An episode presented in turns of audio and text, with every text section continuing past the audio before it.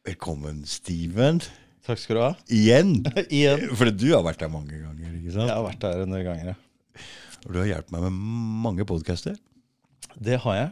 Og det har vært veldig fascinerende å sitte litt utenfra og, og se på det. Mm. Ja, for det er annerledes. For det, når man hører en samtale, det er ikke samme som å være med en. Jeg tror Nei. man hører andre ting, eller jeg vet ikke. Ja. Og nysgjerrigheten blir fort drevet litt sånn annerledes enn de som er helt engasjert i den. Mm. Og du har jo Vi har jo treffet mange kule folk her. Ja, det må jeg si, altså. Hæ? Det er helt utrolig. Ja. Så en liten leilighet på Abildsø så, så skjer det store ting. Ja, ja. Og det er veldig imponerende, Dag Thomas. For du har jo vært hver uke i hva med 62 uker, så har jeg klart å få til en podkast. Det er imponerende, altså. altså jeg tenker jo at uh, i hvert fall i dagens uh, samfunn, så, så blir jo denne podkasten en slags frisone uten all denne journalistiske sensuren. Mm. Eller at det er noe eierforhold som bestemmer hvilket narrativ eller agenda. Eller, Mm. uh, så jeg setter jo veldig pris på at det fins folk som lager podkast. Mm, fordi du kom hit, da. Ja, du driver Og jeg var interessert i å hjelpe med en gang. Og, og du er jo faktisk ikke den eneste. Så jeg har jo hatt mange som har villet hjelpe meg her, og det er jo jævla takknemlig for. Ja. Men det er akkurat som det er en uh, bevegelse der.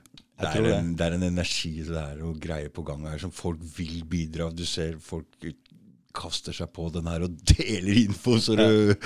Altså, Det er jo venneforespørsler, og jeg ser dem Oh my god, han er, han er jo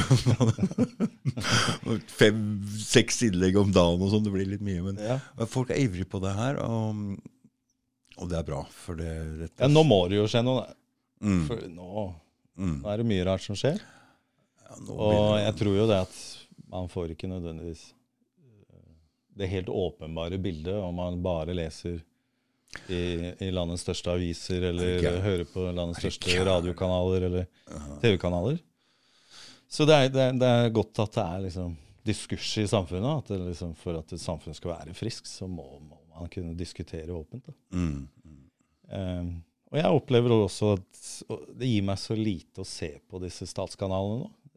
Eh, Har du vært kobla TV jeg kobla det helt av. Altså. Jeg har ikke hatt TV Det, på flere år. og det, blir rart, eh, det blir jævlig rart å gå tilbake og se. Ja?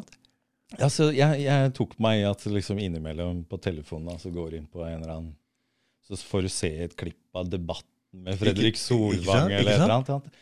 Og, og spesifikt et eksempel da, gjennom denne pandemien. ikke sant? At eh, eh, Jeg har jo vært i media selv òg, så jeg vet liksom litt om at man, man får en diskurs med journalistene, og at man kan gå gjennom litt spørsmål på forhånd.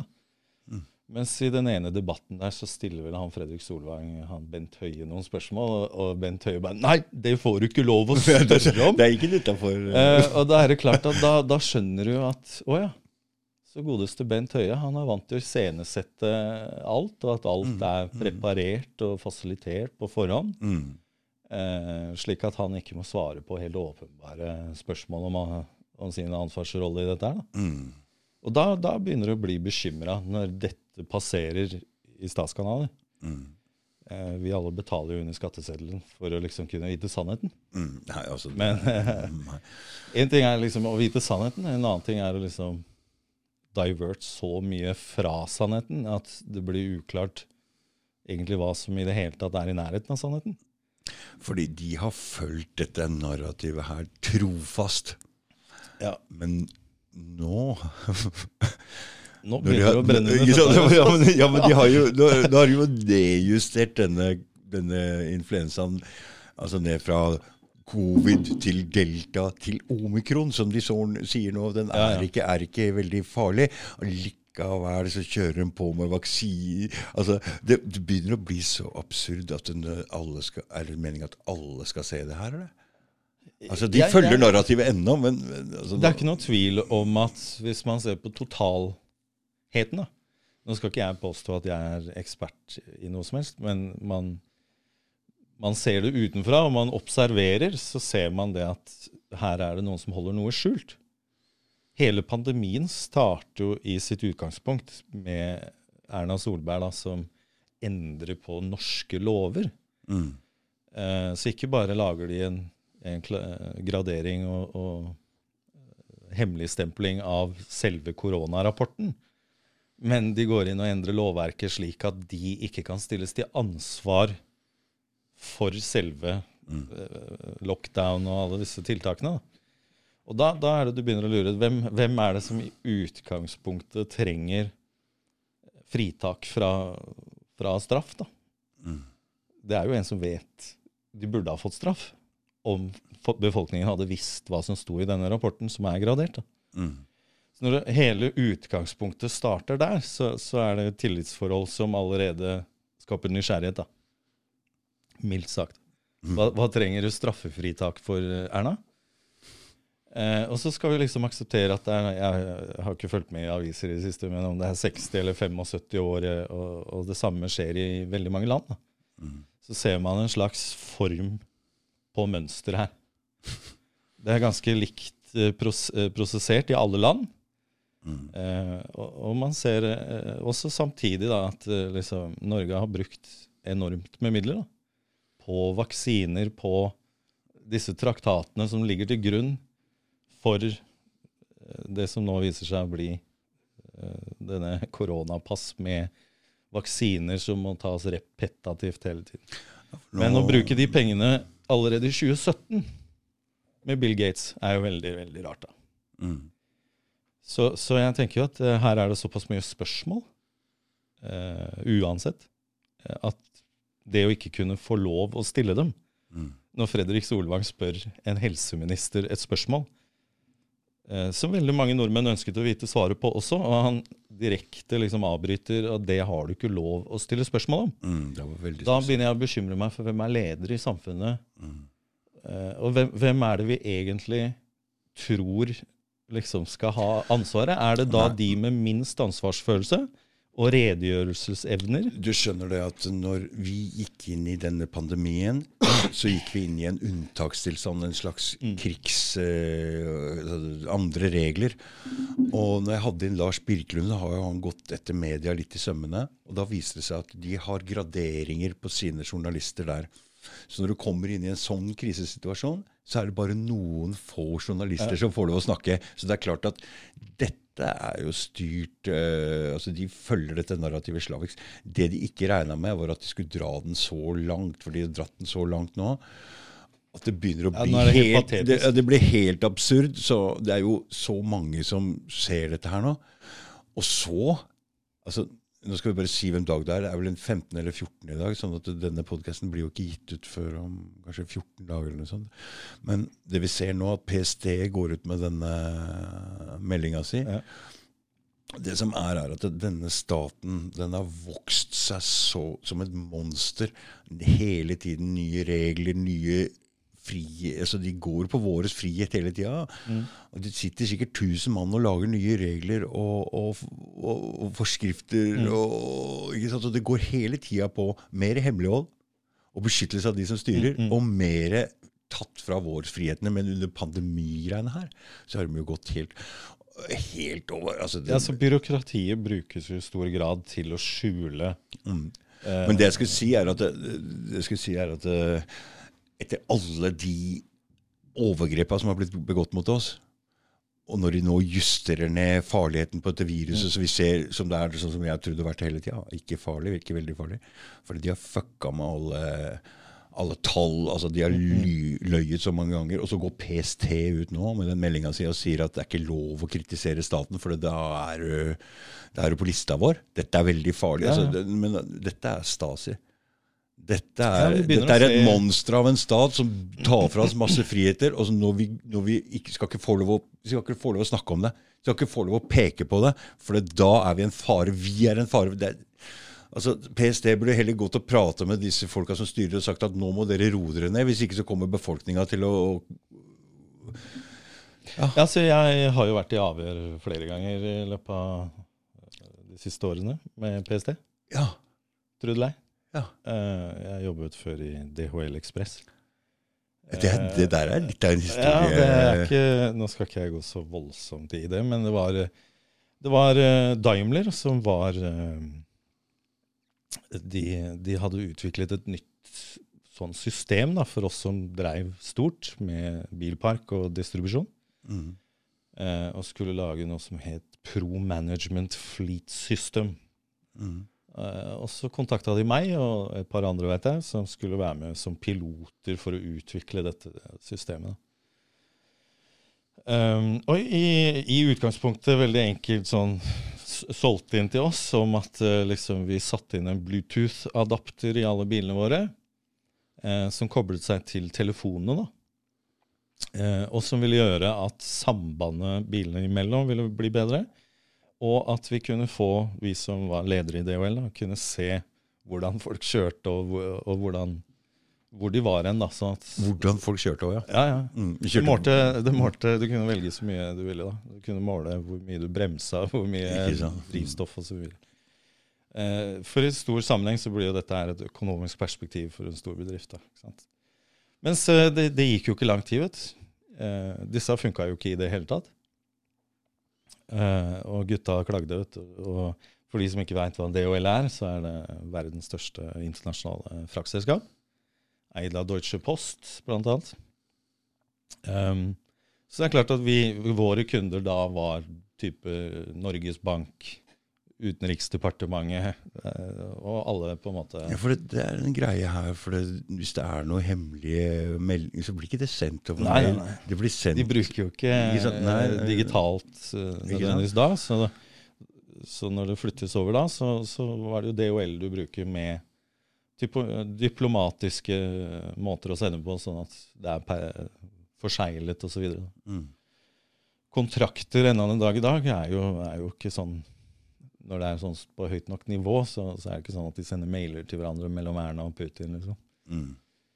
Eh, Så, så det er ganske offisielle ting, da, som da går i diplomat. Hemmelige ting. Ja, hemmelige ting. Um, så, så det bærer et ansvar som ansatt i DHL også. ikke sant? Og, og, og med en gang vi satte i gang dette systemet, så funka det ikke. Det bare sto at bila var parkert på DHL enda. Mm. Mens jeg kunne jo ringe til dem da, og så si at ja, men de er rundt og kjører. Og det gikk bare tre dager, og så klager Utenriksdepartementet på at hackalarmen hadde gått på hele bruket der. Um, og at sjåføren som kjørte, han kunne si at et eller annet galt skjer med telefonen min, og, og, og så videre. Så vi melder jo fra til Daimler, og de melder ifra til eh, utvikler, osv. Og, så videre. og da sendte de eh, noen fra Tyskland og påstod at her var det fare for utenlandsk etterretning hadde infiltrert det systemet. Så jeg føler jo behov da for å liksom Oi, da går det langt over huet på meg. Da melder jeg ifra. Og så blir jeg tatt inn til avhør. Og jeg forteller jo om alle typer hackeangrep jeg opplevde i bedriften uh, utenom det systemet også. da. Mm. Det var mange mange mailer som uh, ikke hadde kommet fram, og også med liksom, hjelp fra IT-tekniske folk da, kunne gjenspore. Så jeg spurte jo om hjelp, rett og slett, til eh, hva, hva foregår. Her er det jo da muligheter for industrispionasje, Mm. blant annet. Um, Istedenfor så, så Så en lang historie kort, da. Så skroter vi dette systemet. Uh, og så går det en stund. Og så har jeg solgt unna en, en sånn liten lastebil da, til eh, et eh, annet driftsselskap i Ålesund, som hadde brukt uh, denne ene bilen da, på hydroanlegget på Sunndalsøra. Og der hadde bilen gått gjennom én dag, og da hadde hackalarmen gått igjen. Eh, de hadde ikke da skjønt, påstod de i ettertid, at det var eh, DHL-bilen. da. Men så påstod de at det var dette systemet, da. Eh, og, at jeg var involvert i det, og så. Og så sier jeg at jeg har jo ikke noe med det å gjøre. Og så måtte jeg i et avhør igjen, da. Og jeg forklarte dem om det systemet, og de menneskene jeg møtte på PST, det må være noe av de mest nedsnudde menneskene jeg noen gang har møtt. Mm. Så det er ikke skarpinger? Nei, altså, de, de hadde De sa vel egentlig kort og greit etter tre timer, da. Hvorav dette her er jo alvorlig, liksom. Eh, så sa de at det var jo ikke mandatet deres. så sier jeg hvem er det som har mandatet da? Det er ikke noen andre du burde si fra til. Eh, hvis noen kan hacke hydroanlegget på Sunndalsøra med det systemet, så, så er det jo klart at da bør jo noen titte på det da, og se hvem som har installert det. Så jeg henviste jo videre til Daimler. Men jeg hørte ikke noe mer enn det. altså. Og Istedenfor så ble jeg beskyldt da, for å være en del av det hackeangrepet på Sunndalsøra. Mm. Jeg, jeg, kan- jeg, kan ingen, jeg kan ikke lage et Excel-ark engang uten å spørre om hjelp. Så, så det ble, ble bare patetisk. Men PST er jo liksom i en, i en oppgave nå hvorav uansett hva de påstår, så er det veldig merkelig å stå og se på alt som foregår, uten at de reagerer. Mm. Det, det er liksom så mange menneskerettighetsbrudd, eh, bevis på liksom korrupsjon i rettsvesen, bevis på korrupsjon på Stortinget. Kripos eh, er jo sikkert også med i det, da. Men, men man ser ikke så mye uten at det er et mønster. Og det må bli tillatt på et vis. Og nå plutselig ser vi i dag da, at PST snur det helt om. Og nå er det PST mot befolkningen, da? Eller er hvis man ikke kan stille spørsmål og være kritisk, så er man en terrorist? Og, og elsker- høyreekstrem, eller alle mulige Ja, ja, sånne de merkelapper de begynner med. Ja, ja, ja. Eh, og da begynner dette å snu til at det er ikke en etat for oss. De må heller begynne å skjønne hvorfor folk begynner å tenke hva er dette for noe? For det det går så langt, staten og alle land, ikke sant. Mm. Så må vi få lov å begynne å tenke hva er dette for noe? Det er ikke rart. Det må, Det må skje. Det må skje. Og i hvert fall når det blir så absurd som det blir nå. Og så skal de liksom si at det er vi som er, som er faren. Altså, de, de ber om det. Nei, det er helt vilt. Nei, altså jeg tenker jo sånn øh, Man trenger jo ikke være konspirasjonsteoretiker. Den, den, den blir litt for tynn å dra nå. Når liksom alle de som øh, Jeg har mista tellinga på alle de merkelige tingene jeg har hørt av folk forutså. da Mm. hvor dette skulle bære. Og, og hele veien så har alle blitt kalt eh, konspirasjonsteoretikere hele veien. Mm. Mens nå, nå er jo ganske mye blitt sant. da. Mm. Dette var ikke vaksiner som fungerte. Dette er eh, by far den verste vaksineskandalen noensinne. De, Men- virker, men de virker ikke Hvem er det som bare passerer det? de de drar den lenger hele tida. For det, det, vaksine, da, da skal du være immun. Ja. Det er ikke det vi ser. Nei, nei. Uh, og du skal ikke smitte andre. Men nei, nei. Nå, nå, nå, nå vil jeg ta med, da, det har sikkert mange nevnt på den poden her òg, men, men jeg blir så irritert av at det kalles vaksine. Ja. Men for det er ikke det. Det er jo ikke det, når de har endra selve definisjonen på det. En vaksine med antistoffer, altså da, da har de jo gjort en prosess med å drepe et virus, og at man kan gjenkjenne det. Dette her er et helt annet uh, Mm. medisinsk på en måte eksperiment. Og jeg forstår det slik at av alle de som blir skada, så, så har de liksom ikke noen rettigheter til noen ting, heller? Fordi Ja, jeg- det anses som et eksperiment, og et frivillig eksperiment. Det, nei, altså staten Det er jo sånn med alle vaksiner at staten kjøper inn vaksinene. Og så er produsenten den er erstatningsfri. på en måte. Det er staten som tar ansvaret for alle vaksineskader. sånn, Men du veit jo hvordan det er å gå til sak mot staten. Det er ikke lett. De Nei, jeg har et, vet alt om ikke sant, ikke sant? Fordi, fordi, Ja. fordi nå er rettssystemet en del av staten, så det, på en måte så Ja. det er vanskelig å vinne gjennom der. Dessuten det koster penger. Men Jeg veit ikke hvordan ordninger de har. med Er det fri rettshjelp når det er vaksineskade og sånn? Men, Nei, men altså, hvis ikke det er juridisk ansvarlighet, da og så er det veldig tatt, vanskelig. så, så det kan være, kommer du ingen vei. Du må vite at det koster jo Hvis ikke du får fri rettshjelp, da. så er det vanskelig å kanskje bevise at du er vaksineskadd hvis du bare er en Mm. sånn og sånn. og sånn liksom. Du må vise noe fysisk eh, ordentlig. Altså, det som ser det, det er vanskelig å bevise. De som er underliggende sykdommer, sier de jo da, som får mest bivirkninger. Mm. Og da kan de jo hele tida snu det på hodet og skylde på at det var den underliggende tingen, men som bare ble verre. Allikevel Eh, så blir det litt for tynt grunnlag akkurat nå, da, når liksom 16-åringer, golfspiller eller hva han var, dør. Det, det går jo sånne YouTube-reels med fotballspillere som bare segner om på fotballbanen. Mm. Eh, og, og man ser også lister fra militæret i USA hvor visse typer sykdommer da, har økt med over 1000 etter vaksinering. Så det her har det jo gått ganske galt. eh, og, og slik jeg har forstått det da, gjennom å sitte her og, og høre på podden, eh, det er jo også at selve den spike-proteinet, det er jo en messenger RNA, ikke sant? Og da er du jo avhengig av at den beskjeden da, som gis videre fra det, multipliserer seg til noe som hjelper kroppen din. Mens her ser vi jo at det heller har snudd, at det har multiplisert seg til noe som skader kroppen. Svekker den. Og så ber du fortsatt om booster. uten å ha redegjort for noen av de to foregående vaksinerundene. Da. Det blir for rart. Og da kunne stille spørsmål, og jeg bryr meg ikke egentlig om du er for vaksine eller ikke. Jeg har tatt alle de vanlige vaksinene som har vært før, jeg. Men akkurat her så stoler jeg ikke på det. Fordi du må redegjøre først. Hva er det denne gjør som er annerledes enn tidligere vaksiner? Og hvorfor har denne vaksinen like mange skader, om ikke mer, enn alle andre vaksiner gitt noen gang på 35 år?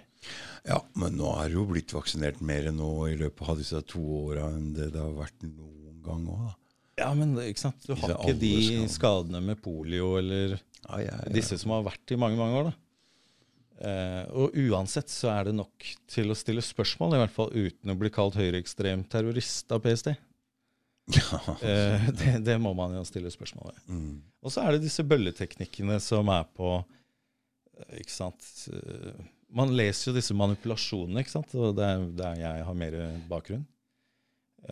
Men før jul, så, så, de få gangene vi er i butikken, og så ser du på avisoppslaget, så står det liksom 'Koronapass redder jula' på forsida av VG. ikke sant? Og da er det du tenker ok, men her, dette er direkte nevrolingvistisk programmering om å si at jula di er i fare, og at koronapass er det som betrygger og gir fred til jul. Når du griller befolkningen med dette her konstant, så er det jo kun de som i utgangspunktet er skeptiske eller kritiske eller nysgjerrige, da, som vil begynne å stille spørsmål. Vi ser jo at vaksinegraden har vært veldig høy.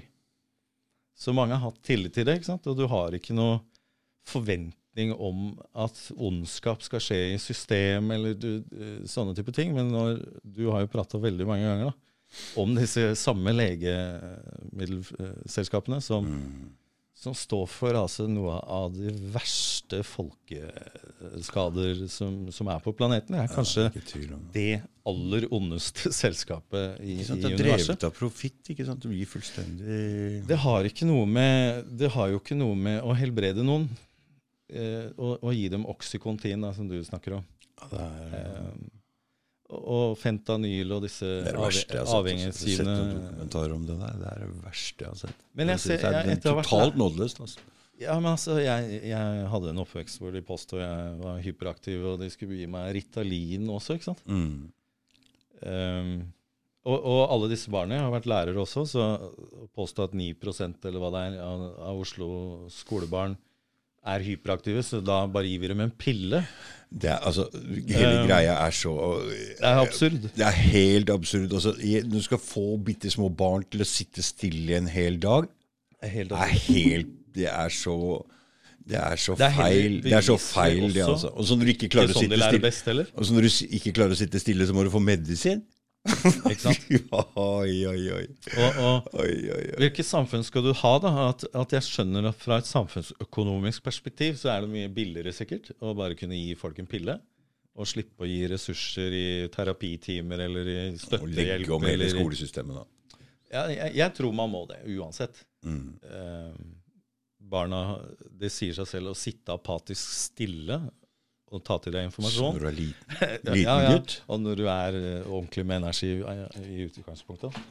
Så kan du ikke lære like bra som hvis du har en mer aktivisert lære. Så det fins masse studier om dette. Um, Men du, nå lurer sikkert folk på hva i all verden er det du har på som står her?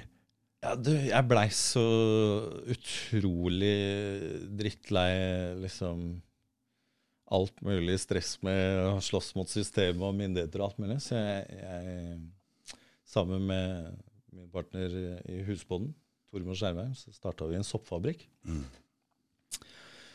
Og hovedgrunnen er jo, er jo selvfølgelig å, å lage noe nytt. Og, det der er spennende, ikke sant? for det sopp er en helt egen verden med masse uoppdaga greier og masse helbredende ja. greier. ikke sant? Det, det, er jo nettopp der eh, man må begynne. Det er en helt egen verden. Mm. Eh, den er helt ulik planteriket og dyreriket. Og vi kan veldig lite om den? Helt ekstremt lite. Eh, jeg kan komme tilbake til det og hvorfor det er tilfellet. Men, men, det er jo også denne masseproduksjonen og massemaskinen, som jeg kaller det, som, som heller har forska på motsatt side av sopp. da. Mm. Eh, annet enn oppdagelsen av penicillin, som eh, er den mest eh, omsatte soppen i verden, uten at folk vet det. Mm. Mens på, tilbake til legemiddelfirmaer, da, hvilke, hvis man går inn og ser på studiene av placebo, da, som de nå begynner å kalle nocebo av vaksiner og sånn, Mm. men forholde oss til placebo, så, så er penicillin en sopp som slår placebo. Det går ikke an å tenke eller føle seg noen ting med den. Den fungerer uansett. Den er en search and kill substance som går inn i kroppen din og dreper virus. Bakterier. Og bakterier. Ikke virus. Ja, bakterier. Mm. Denne derimot dreper virus. Denne vi har foran oss, eh, denne i midten heter turkey tail. Mm. Og den, eh, den har jo vært brukt i mange tusen år, men det er jo først nå de siste årene at det gjøres ordentlig forskning på det. Det du har med deg her, fordi du selger sånt utstyr med disse her, sånne gro Hva er dette her for noe, Steven? For, forklare det For du driver og holder kurs og greier, ikke sant? Ja, ja, ja, I. Bergen der, og folk sier 'hvor skal du opp?' der på kurset til Steven og greier. Nei, altså jeg har tatt fram et knippe av de kanskje tre mest kjente medisinsoppene vi har, da. Mm. Og folk, folk lager noe som heter tinktura. dette. Ikke Ja, sant? Hva, er det, hva er det for noe? Skal jeg forklare for noen i stad, så klarte jeg ikke. Nei, altså det er når du Det, det blir litt omfattende, da. Men, men i all sopp Mm. eh, så har celleveggene en struktur av eh, kitin, som er det samme som krabbeskall og, og hummer, eh, klo osv. Så, videre. så det er veldig egentlig hardt, selv om du opplever den så myk. Mm. Hvis du kjenner på denne, så er den jo Veldig hard. Jeg kjente på den i stad. og, og den ser helt lakkert ut. Mm. Den heter da lakksjuke på norsk, og bedre kjent som reishi internasjonalt. Har vært brukt i tusenvis av år. Men for å bryte ned celleveggene på den, da, Mm. Så kan du kun gjøre det gjennom to metoder. Og det er med vann, vannløselige stoffer, og så har du alkoholløselige stoffer. Og med tinktur så gjør du begge deler. Da tar du halvparten av soppen og legger på alkohol, sånn at det ekstraherer ut de stoffene fra den. Og så tar du den andre og koker ned vann, vannavkok, og så blander man dette sammen. Og da har man en veldig, veldig potent medisin som varer veldig lenge. Mm. Så det er den billigste Lage konsentrat, konsentrat Ja, ja. av det på en måte. Det er egentlig konsentrat. Og, og, og at man kan oppvare det ikke sant? Mm. over lang tid. Ja, så ikke bare det, men det er jo denne alkoholekstrakten da, som tar ut kanskje de viktigste medisinske stoffene her. Mm. Bare i reishi, så bare i de alkoholløselige stoffene, så, så er det beskrevet med forskning da, 100 forskjellige triterpener, som det kalles, da, som, som brukes i legemidler. Mm. Eh, og, og er kjent som en sopp som hjelper mot hjerte- og karsykdommer. Renser lever, regulerer insulin. Eh, og, og også skaper eh, produksjon av drepeceller i kroppen som fungerer mot virus. Du har ikke drevet med dette så veldig lenge, men jeg Nei. hører du har satt deg skikkelig godt inn i dette her. For at, eh, nå driver du og holder kurs og ikke sant. Det er, er um, Du kan si at det, det har jo vært eh, litt eh, nytt for meg òg, fordi mye av den forskninga har liksom kommet nå siste to åra òg. dette, det, dette er noe Når jeg har kobla meg på den energien her med alt som skjer i verden, så har du klart å koble deg på en annen energi om sopp. For det, Ja. det er også et voksende greie. ikke sant? Jeg hører folk ringe meg nå. Nei, ikke, det er Fluesopp er sånn og sånn, og det er ikke sånn de forteller. og Det er ikke det. Mm. Ikke det ikke sant? Og Så, så det blir ikke rusa. og Det er masse gode egenskaper. Og, så vi har Mm. blitt løyet til. Så, så, så soppen har en renessanse her nå. I, Ja, ja, ja. Ikke renessanse engang. for det, det, Nei, men altså, det har vært deler av jordkloden som har visst dette her. ikke sant? Og Ja. så har man jo se, eh, man ser jo på liksom Ok, hvis en bygd plutselig der blir gjennomsnittsalder eh, 106 år, mm, og hva var forskjellen? Å ja, der driver alle og spiser reishi. ja. Så har man liksom gått videre i forskningen. Mens for, for mesteparten av forskningen de siste 30 årene, så har det jo gått helt motsatt vei. ikke sant? Det har gått på forskning for å drepe sopp. Fordi du vil ikke at noe skal mugne, ikke sant? Mm. Så, så det, det Og, og, og alle disse tinga man tilsetter i E-stoffene, alle dette Mm, mm. dreper sopp, ikke sant? På en måte, fordi det skal Det er, det er, det er jo nettopp det. Du vil jo ikke at det skal råtne. nei, det skal konservere, ikke sant? Og Ja. sopp er jo en Ikke sant? Mhm. Og du kan jo da snu på det. Mm. Eh, ta f.eks. det som heter dual additives. da. Eh, det er altså et stoff eh, som heter betylhydroksiol. Hvis jeg ikke tar feil, så er det E320 bak på pakka. Ok. Eh, og dette kan du liksom vanne i planter, og dette kan du gi til dyra, og dette kan du putte i kjøtt, eh, kjøttdeigen, f.eks. er et veldig godt eksempel. Mm. Eh, hvis den bare ligger vanlig, så vil den jo bli brun ettersom den oksiderer. Mens dette vil jo ikke norske forbrukere ha. ikke sant?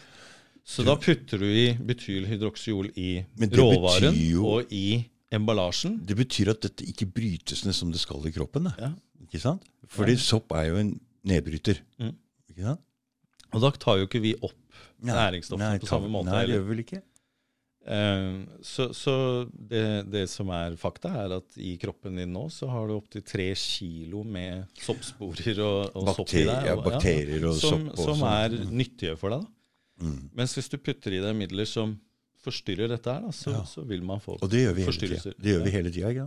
Etter at Kjersti var her, så det Ja, hun jobber jeg jo? Det, det ble ganske god, ja. Ja, eh, Det ble god match. eh, Seminar nå snart. så Ikke sant? det Så det, det er litt kult også, for du har uh, truffet noen Ja. bra folk her. Og Kjersti, som driver, Kjersti Rinde Omstedt, som driver Mm. en økologisk gård, det var skikkelig match. Det var det. Dere to. Og det er klart sånn som nå, under pandemien, da, så ser vi en annen side av det. da. Hun er jo en økologisk bonde eh, sammen med mannen sin, Arne Wilhelm. Eh, og hvis, hvis en bonde nå har liksom brukt kunstgjødsel over mange, mange år, Mm. så har de drept mer eller mindre alt jordlivet Det- i bakken. det- og det- Og det var derfor hun var her, ikke sant? Og så Mm, kommer jeg da med Hør på soppen her, det er den Ja. som gjør naturen, da. Ja. Og, men, men, men det er litt fordi jeg husker jeg skulle dyrke marihuana, så ville jeg ha mer fosfor i, i, i jorda. Og eneste fosforet de solgte, det var fosf, eh, fosforsulfat. Sulfat. Og det var så mye svovel. Det var 80% svovel. Så, det- så det som er greia når du driver med kunstgjødsel, det er at du, du får en opphopning av giftige salter, som svovel er et giftig salt, ikke som ikke blir spist opp, så du tilfører til slutt, så er jorda bare dønn giftig. Ja, sikkert bare det, men veldig mye av tradisjon... Altså, jeg hater at de kaller det bare det, da. Eh, men de kaller det tradisjonelt jordbruk. Eh, med- å bruke Roundup og kunstgjødsel. Og det er tradisjonelt. Det er liksom tradisjonelt. Så de har snudd på det De ordet. på det, Og ikke sant, de har snudd på det ordet, så egentlig tradisjonelt er jo økologisk. ja. Det er men, tradisjon. Men nå er de som er liksom økologisk, det er de der gærninga som fortsatt driver med det. Ja, ja, ja. Men, men nå ser vi jo da at eh, det er vel bare på ett år så er det dobla kunstgjødselpriser. Eh, og, og bøndene har jo liksom ikke sant? Hvis du er bonde nå, da, så får du tre millioner i ekstra kunstgjødselkostnader. Ikke sant? Yara, var det Yara som ikke sant? For der skjedde et eller annet der. Ja, så de, de påstår jo alltid, da, disse som lager disse prishoppene, at det er en eller annen grunn til det. Mm. Eh, de påstår at det er sporstoffmangler i verden. da. Sporstoff? Ja, ikke sant? Så, hva er det? ja, altså Av eh, NPK, da, som du sikkert har hørt om. Nitrogen, fosfor og kalium? Jeg kan det. men Så har du liksom eh, mange mange andre stoffer. da. Hvem, eh, hvem de mangler. Boron, aluminium mulige. så det er noen små sporstoffer der òg? Ja, ja. og, og da har det økt prisene så voldsomt Mm. at dette drar jo nesten enhver bonde ut av eh, gård og hjem. da. Mm. Og da, da er du jo avhengig av å finne et alternativ. da. Og jeg kan ikke tilby noe annet enn det naturen allerede gjør. da. Mm. Så for å ta helt spesifikt da, hvilke typer sopper dette er, så er det eh, tre hovedfamilier i soppverden. Nå prater du om disse? Nå, ja, ikke bare de, men dette er typene i familien vi Ja. dyrker. Og Ja, de ja, ja. heter nedbrytere. Saprotrofa arter. Så de komposterer jo trær som detter over ende i skogen. Ikke sant? Denne ser jo ut som den kunne vokst på et tre. ikke sant? Ja, ja. Den er sånn hard og Det er sånn man Det er, ser. det er jo nettopp det, de typene her som fungerer. Og det er fordi Den også er sånn, ikke sant? Som kunne vokst på et tre. Ja, det vi gjør da er jo at vi setter sammen eh, eikeflis og litt kli, og så steriliserer vi det, og da har vi på en måte gjenskapt en veldig næringsrik trestubbe. Og så smitter jeg det med mycele, som er moderorganismen til soppen.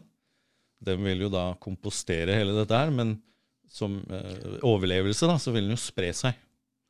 Og for å spre seg, så, så, fordi den har jo ikke da plass sånn som den ville hatt i en stokk, så vil den reprodusere seg med sopper. Så med en gang vi snitter plastposen her, så vil den ønske å reprodusere seg med sopp. Og det er selve teknikken vi bruker da. Er den genetisk lik hele tida, siden du har en moderspore, eller er det eh, Eller hvordan er det det Ja, det er et godt spørsmål, faktisk. Fordi eh, ikke sant, når man tar en Når man kloner noe Men, Mm. men, men ikke sant det, Når man ser hvordan sopp sprer seg under bakken, og at den egentlig er én organisme Mm. eh, som henger sammen, er den samme Ikke sant? Ja, ikke sant? De største, eh, den største levende organismen på jorda er en sopp som heter honningsopp. Ja, Eh, Jeg tror de største er målt i over 50 km i, i lengde under ikke bakken. sant? Ikke, ikke sant? For det er én Eh, ting. Den, den er jo i seg selv verdt å nevne noen to ord om. da. Ja. Den, den har jo blitt gjenstand for mye forskning de siste årene. Veldig mye kul forskning også. Mm. Um, og det er at uh, de tok f.eks. Uh, en skogfelt da, og målte at det var honningsopp i bakken. Og, og de provoserte fram en skogbrann i ene hjørnet og satte ned elektroder. da, Og kunne se at elektroner passerer gjennom mycelet. At du ser informasjon flyte fra et tre til et annet. Mm. Så de andre trærne i andre enden av skogen da begynner å produsere kvae for å beskytte seg mot skogbrann. Dette ble da grobunnen for beviset på at den fikk navnet Wood Wide Web. Mm. Det er én ting, ikke sant? Den er ja, så den, den sopptypen er connecta med alt i skogen. Og forteller hverandre og er bossen egentlig i skogen. Det her gir meg litt grann, uh, andre assosiasjoner òg. For hvis vi tenker på maur Mm. Mauren er ikke én. Nei, nei. Liksom, sant? Alle maura i maurka Hvis ikke så hadde ikke den ene mauren gått i angrep på undersida av skosåla mi. Hvis den hadde vært en, en Så, Maurtua er én mau- én ting. Og da begynner jeg å tenke på menneskeheter nå. Menneskeheten. Fakta Jeg, jeg føler det er én ting, det òg. Altså. Det er en- veldig mange maur som dyrker sopp. Og lever i tua av å dyrke sopp. Mm. Eh, De kultiverer sopp som en næringsressurs i tua. Så når de henter alt dette avfallet, Mm. så lager de sine egne symbioser med sopp. Det finnes også andre sopper som er veldig liksom Så det du da. mener med den honningsoppen der, at den, den er én ting? Den er én Den er én sopp, organisme, én organisme, og den er over hele skogen, ikke sant? Mm. så å si. Så å si. ja. Mm. Nå, nå er den veldig omdiskutert i rekke sånn Blant annet i skogbruk. Mm. Eh, Den, den tilhører en annen familie enn disse vi vanligvis dyrker, da, som er nedbrytere. Så tilhører den mer i parasittorden. Eh, som betyr heller at det er en råtesopp. Så, så hvis du har et stort hogstfelt, da, Mm. og det er veldig mye honningsopp, så, så vil jo ikke nødvendigvis alle disse stubbene bli nedbrutt til ny næringsrik jord. Så det vi ser på nå, er jo da bl.a. den i midten. da. Turkey tail, som er et veldig aggressivt mycel, som kan bryte ned disse stubbene og konkurrere mot honningsoppen. Og da Så honningsoppen er ikke ned- bra, den altså? For Eh, skogbruk? Den er jo bra for skogen, men den er ikke, Ikke bra for skogbruk? Eh, nei. Den, den bryter ikke ned noen ting noe særlig. Den preserverer Eh, altså, den, den bruker jo stubber for å lage sopp og reprodusere seg, men den bryter den ikke ned noe særlig.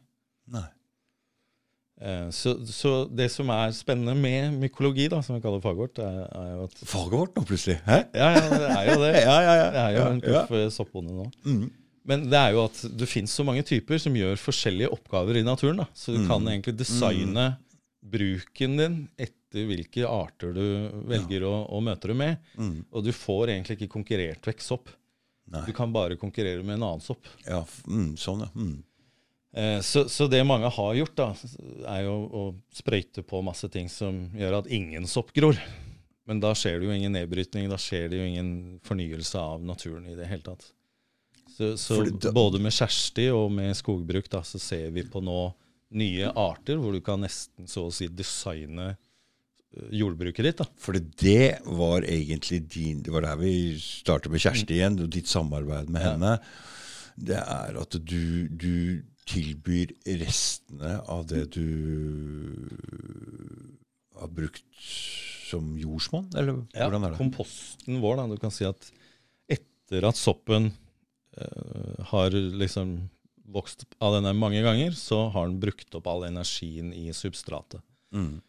Da er den helt nedbrutt, sånn som det ville blitt gjort i naturen, Mm. og gjort om til utrolig næringsrik eh, jordforbedring. Mm. Så det vi skal se på nå, er jo å liksom bruke vår kompost og strø den ut på jordet og, og, og få, få den ned i bakken, kan du si. Mm. Og se, måle, da, eh, liksom hvordan eh, effekten blir. Fordi uh, når jeg tenker på det som hun, hun dyrker igjen, da Hvis man tilfører alle disse små sporstoffene og nedbrutte materialer, blir de tatt opp i plantene igjen, ikke sant? Det blir det jo fordi dette er jo naturlig nedbrutt, og da er det mye da- mer eh, Men da inneholder altså disse plantene mye mer sunne, Mm. små sporstoffer og et mer rikt, eh, mangfoldig uh, vi, vi ser jo nå at liksom Spesielt i USA da, mm, så forskes det jo veldig mye nå på, på sopper som kan være nytteverdig for jordbruk. Og, og du har da den siste familien som jeg ikke har nevnt ennå, mhm. men eh, som kanskje er mest kjent. da, Det er jo mykorrhiza-orden. Eh, Det betyr egentlig at de, soppene blir symbiotiske. Eh, En kjent for de fleste er kantarell. Eh, Kantarell bytter da sukker med liksom bjørka, og, og næringsstoffer tilbake. Og det er sånn at når bjørka vokste alene, så var den bare alene. Mens når den får kantarell, og den lages nettverk sammen, da, mycelet og rotstrukturen i bjørka, så blir de to ett. Så da blir det på et sånt nivå at dreper du bjørka, dreper du soppen, dreper du soppen, dreper du bjørka. Og, Men det er jo det samme som oss også. Ja, men ikke sant? Nå kan du, hvis du lager kål, så kan du lage, bruke den soppen som lever symbiotisk med det. Mm.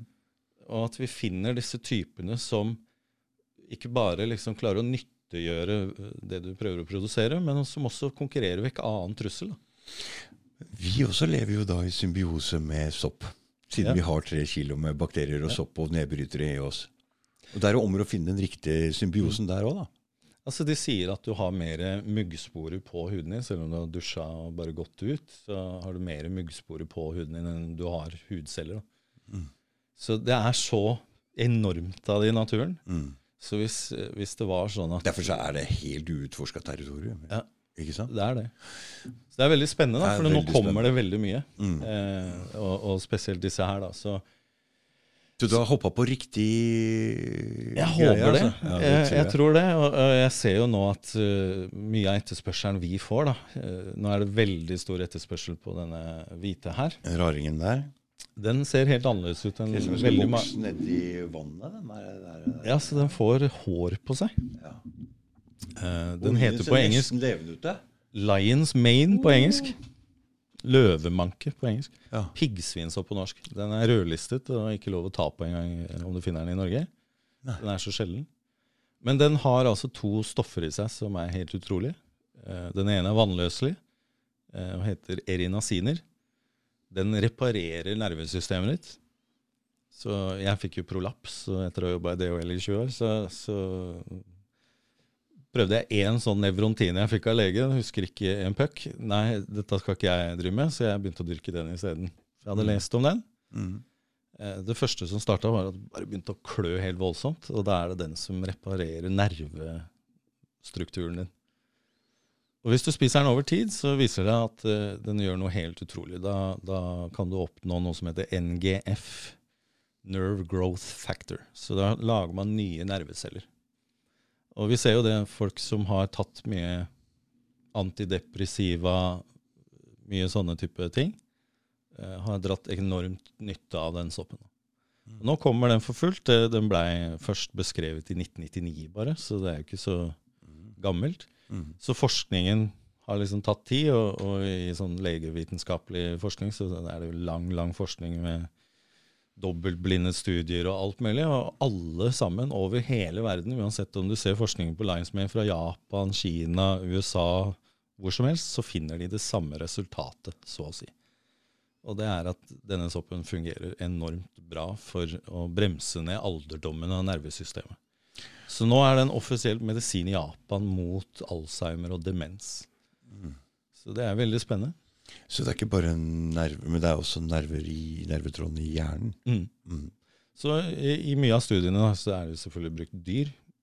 Eh, Og i de fleste av dem så finner du ut at rotter og alt mulig sånn da, får mye mye høyere hukommelse av det. Mm.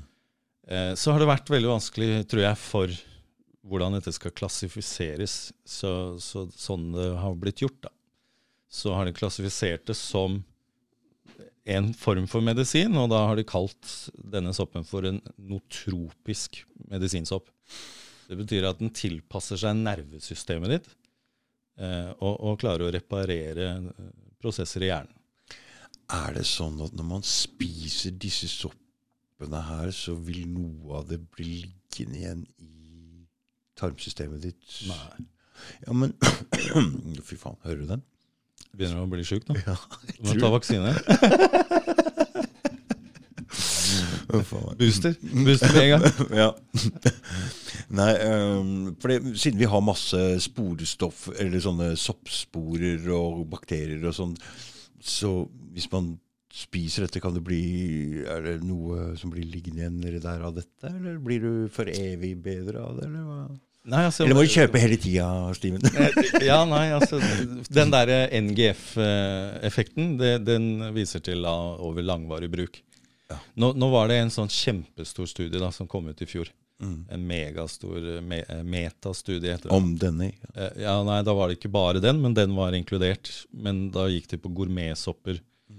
Så da var også shiitake, en del andre østerssopper og sånn med i den studien. Ja, for du driver ikke bare det, Disse tre du har her, det er med, medisin... Det er de, de tre kanskje råeste medisinsoppene. Ikke sant? eh, Mm. Men du driver med også med gourmetsopp? ikke sant? Gourmetsopper, ja. Mm. ja. Så vi selger til restauranter osv. Denne her er jo veldig god å spise. De andre her er ikke så gode å spise, men denne Lions Mane piggsvinsopp er helt fantastisk. Mm. Um, men i hvert fall den metastudien så var den gjort fra 1966 til uh, 2020. Uh, Blei utgitt også Illustrert vitenskap eh, nå før jul. Og viste til at hvis det var kun et 18 grams daglig inntak av sopp da, i, i denne familien, I altså saprotrofe nedbrytere, nedbrytere. Mm.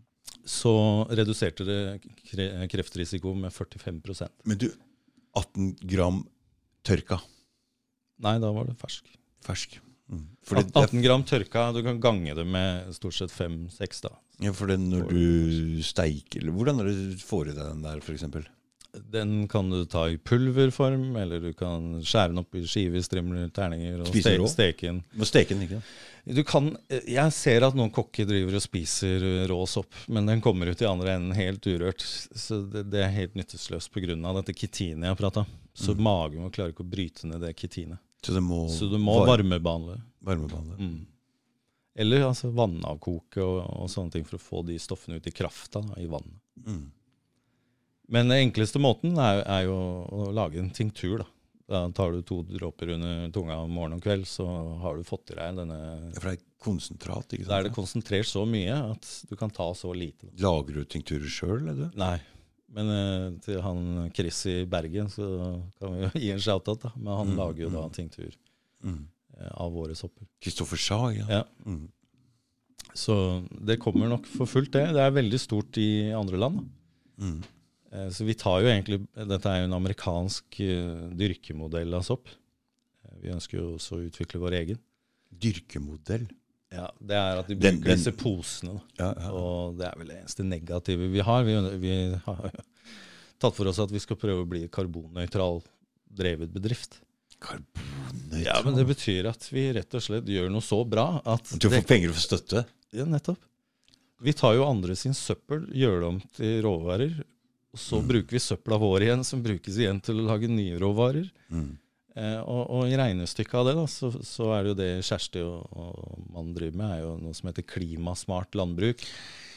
Og da kommer jo sopp veldig for vinden her nå. da. Bare du sier karbon og klima til meg, så bare ok. Greit. Nei, men altså, soppen er veldig enkel. Den funker som oss mennesker. Den puster inn oksygen og ut CO2. Og det betyr veldig enkelt at soppen den klarer å binde opp helt ekstreme mengder CO2. Så når de hogger en skau, så, så dreper de også soppen. ikke sant? Alt, alt liv eh, er opp av CO2, altså karbon. Ja, karbon. ja. Mm, karbon og vann. Men det må jo gjøres om og, og fornyes. ikke sant? At det går i en syklus. Alt Og det er soppen alt som liv, er det. Alt liv er jo Ja, ja, ja, det er med og bryter ned. Mm. Ja, for ellers hadde vi bodd på et berg av søppel. Ja, ja, ja. Eh, og, og på den tråden så har jeg lyst til å nevne liksom Å oh, ja, da kommer du med den plastikknedbryteren. Ja, ja. Det var det, akkurat det som slo meg. og, det, og det er så typisk eksempel, for hvis du ser på han som fant ut om penicillin nå, Mm. så er det jo egentlig en ulydig forsker. Han, han fikk jo, hvis jeg ikke husker feil, så fikk han vel i oppdrag å fjerne skader på jordbruket. da. Men han finner ut at det var en eller annen type midd eller hva det var, som, som hele tida overlevde alt han sprøyta på. da.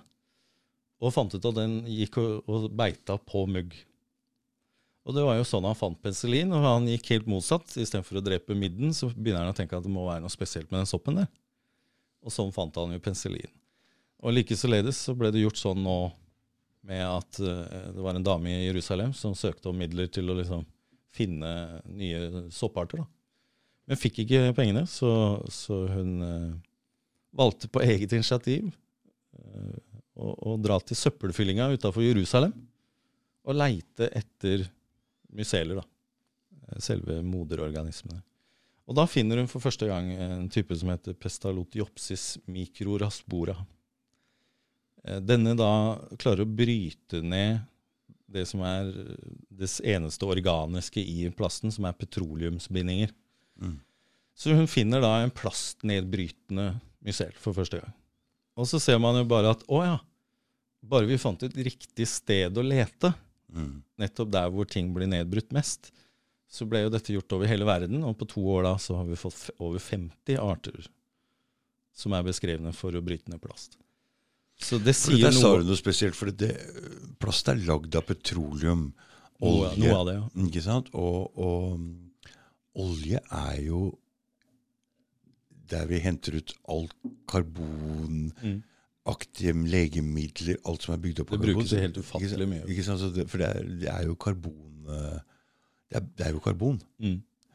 Og det er klart at det finnes sopp som kan bryte ned karbon. De gjør jo ikke annet. Ja, nå, nå, hvis jeg ikke tar feil, så driver de samme og forsker på nå at hvis du hadde fått et oljeutslipp, da, Mm. så, så, så kan du spraye dette på, og så bare gjøre det om til bionedbrytbar materiale med en gang. Mm. Så, så det er veldig spennende. Mm. Så jeg tror mykologi kommer som en mye større del av samfunnet vårt da, enn Mm. en sånn det har vært til, til nå. Og at sopp er ikke farlig hvis du vet hvilke typer vi skal få i oss. Mm. Men det er selvfølgelig noen typer da, som gjør folk veldig bekymra. Eh, og, og det er jo sånn at sopp fungerer jo nettopp så bra på oss, da. Eh, fordi den har jo over 50% av DNA i sopp er likt mennesker. Mm. Så, så du må jo nesten tro det er lagd på et eller annet form for å passe til alt levende som finnes på jorda. Mm. Eh, Jeg vil, jeg vil tro at av, av de typene som er beskrevet, så, så vet vi kanskje bare under 1 av hva som er å vite om dem. Så det blir veldig veldig spennende i årene fremover. Jeg husker jeg så en film om det der. skjønner du. Det er en helt Sopp er så mye holdt jeg på å si, av planteverden, men det er ikke planter. Det er en helt egen verden. Helt egen. Og den er så lite utforska, og det er så mye Så her er det kobla deg på en veldig fin greie, Steven.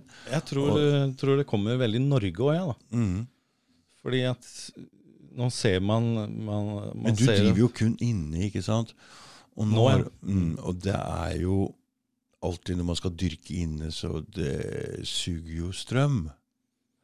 Det har vi Ikke merket. sant? Ja. Og, og, og, og nå å drive og produsere noe nå, med disse strømprisene her når du må hvor, altså Jeg titter jo ikke på min strømregning så jævlig, men er den tredobla, eller hva er det Ja, man det er mer enn det. altså. Det er mer enn. Femdobla. Mm.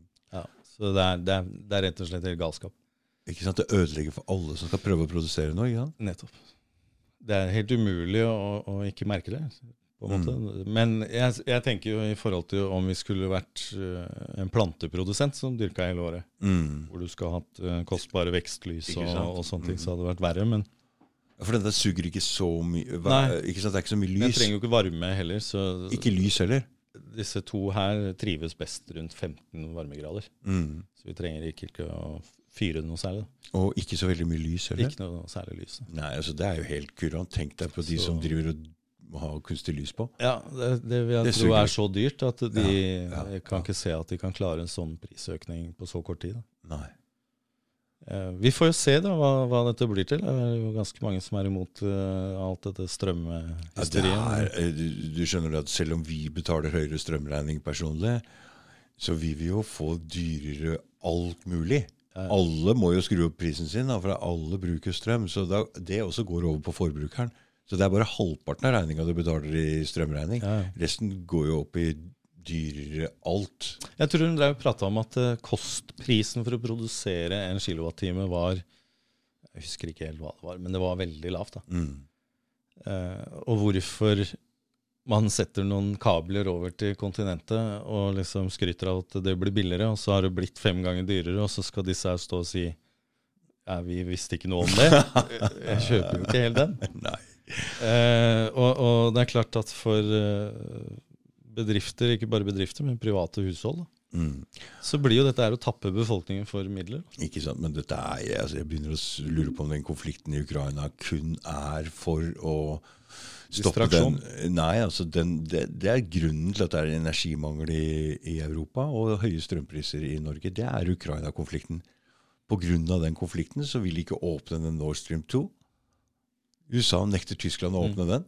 Og det gjør at det ikke kommer gass inn til Tyskland. Det er den Tyskland. russiske, da. Ja, det er gass, den Nord Stream 2, det er, de har jo bygd den ferdig, alt ligger klart. Men USA presser Tyskland til å ikke åpne den pga. den konflikten. Og så er det noen gassledninger som går gjennom Ukraina også, ikke sant? som ikke de vil. Så det er, det er en hel pakke der. Så den konflikten der, den gjør faktisk at vi har dyrere strøm. Så kan ikke du Altså, dra ned der og få slutt på dette? Vi har jo egentlig ikke så dyr strøm i forhold til kontinentet. Men nå er jo ikke Norge medlem av EU, er- sist jeg sjekka. Jeg tror altså Østland har dy, dyrere strøm enn uh... Ja, jeg tror vel jeg har hatt det til tider nå, ja. mhm. Men, men hvorfor blir det sånn før og etter ACER? Ikke sant? Og, og det var jo ikke sånn før, før de åpna disse kablene. Neida. Så, så hvorfor vi skal dele vår overflod av, av fornybar strøm, da? Vi, Og sikre oss selv selge, først. vi kan godt selge litt til dem, Selvfølgelig hvis vi produserer nok til å selge til dem. men det er ikke vi, ikke sant? Vi er, Nei, vi er ikke, vi er ikke, det er ikke folket som er lenger vi. er en del av Nei, Norges er stat. Nei, det er ikke vi. De her Det er, det er de. handler seg imellom. Ja, det er de som selger dette her. Ja. Men vi, vi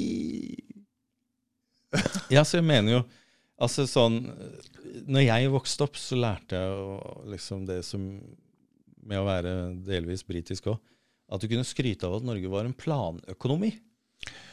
Og det betyr at staten på en måte skulle sikre at ikke penga fløy utenlands. Mm. Det var på en måte en del av den norske modellen. Mm. Mens nå virker det helt motsatt. Mm. Alt handler om å få ut av landet. Mm. Eh, og og det, det, det går igjen i nesten alle bransjer i Norge. Man ser fiskeriindustrien bli kjøpt opp av internasjonale selskaper. Man ser eh, liksom det samme i jordbruk og osv. videre. Så det er ikke noe vi her. Nei, altså jeg ser bare egentlig taktikker for å tyne befolkningen. Mm. Eh, For hvis kunstgjødsel har tidobla pris, diesel, bensinpriser har mye høyere priser, Strøm. strøm, matvarer begynner å få Ikke sant. inflasjon allerede, Ikke sant? eh, og ikke Renta, renta går opp. Ja. Så, sant? så, Det så er det total krakk snart. Ja, det er det. Og vi ser USA, da, som så mange land i vestlige verden er knytta opp imot dollar. Mm. Så har jo disse her produsert nå og trykka opp minst 40% av alle dollar de noensinne har trykka opp, har de Å, opp trykka på ett år. Jeg veit også, men sant, jeg hadde jo Glenn Diesen her, han sa den eneste muligheten fordi dollar har jo vært internasjonal valuta, valuta, og backa Først så sa de var backa av gull, etterpå så har han vært backa av våpen. Men den eneste muligheten for å redde den dollaren var å splitte Kina og, og Russland.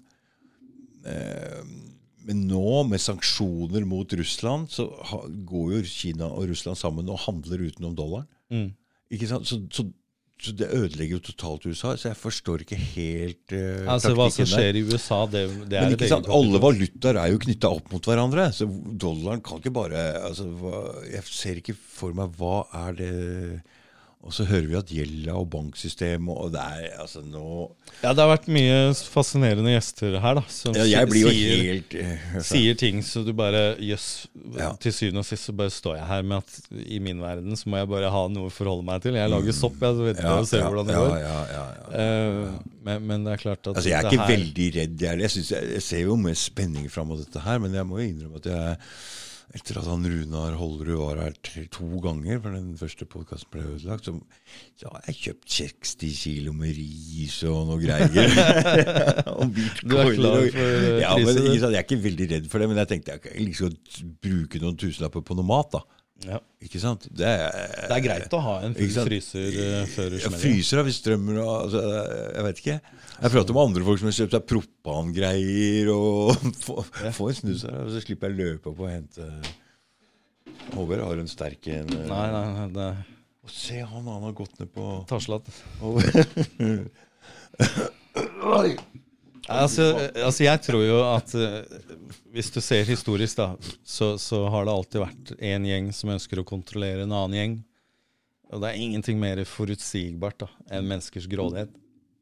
Og eh, plutselig så eier ikke nordmenn strømmen.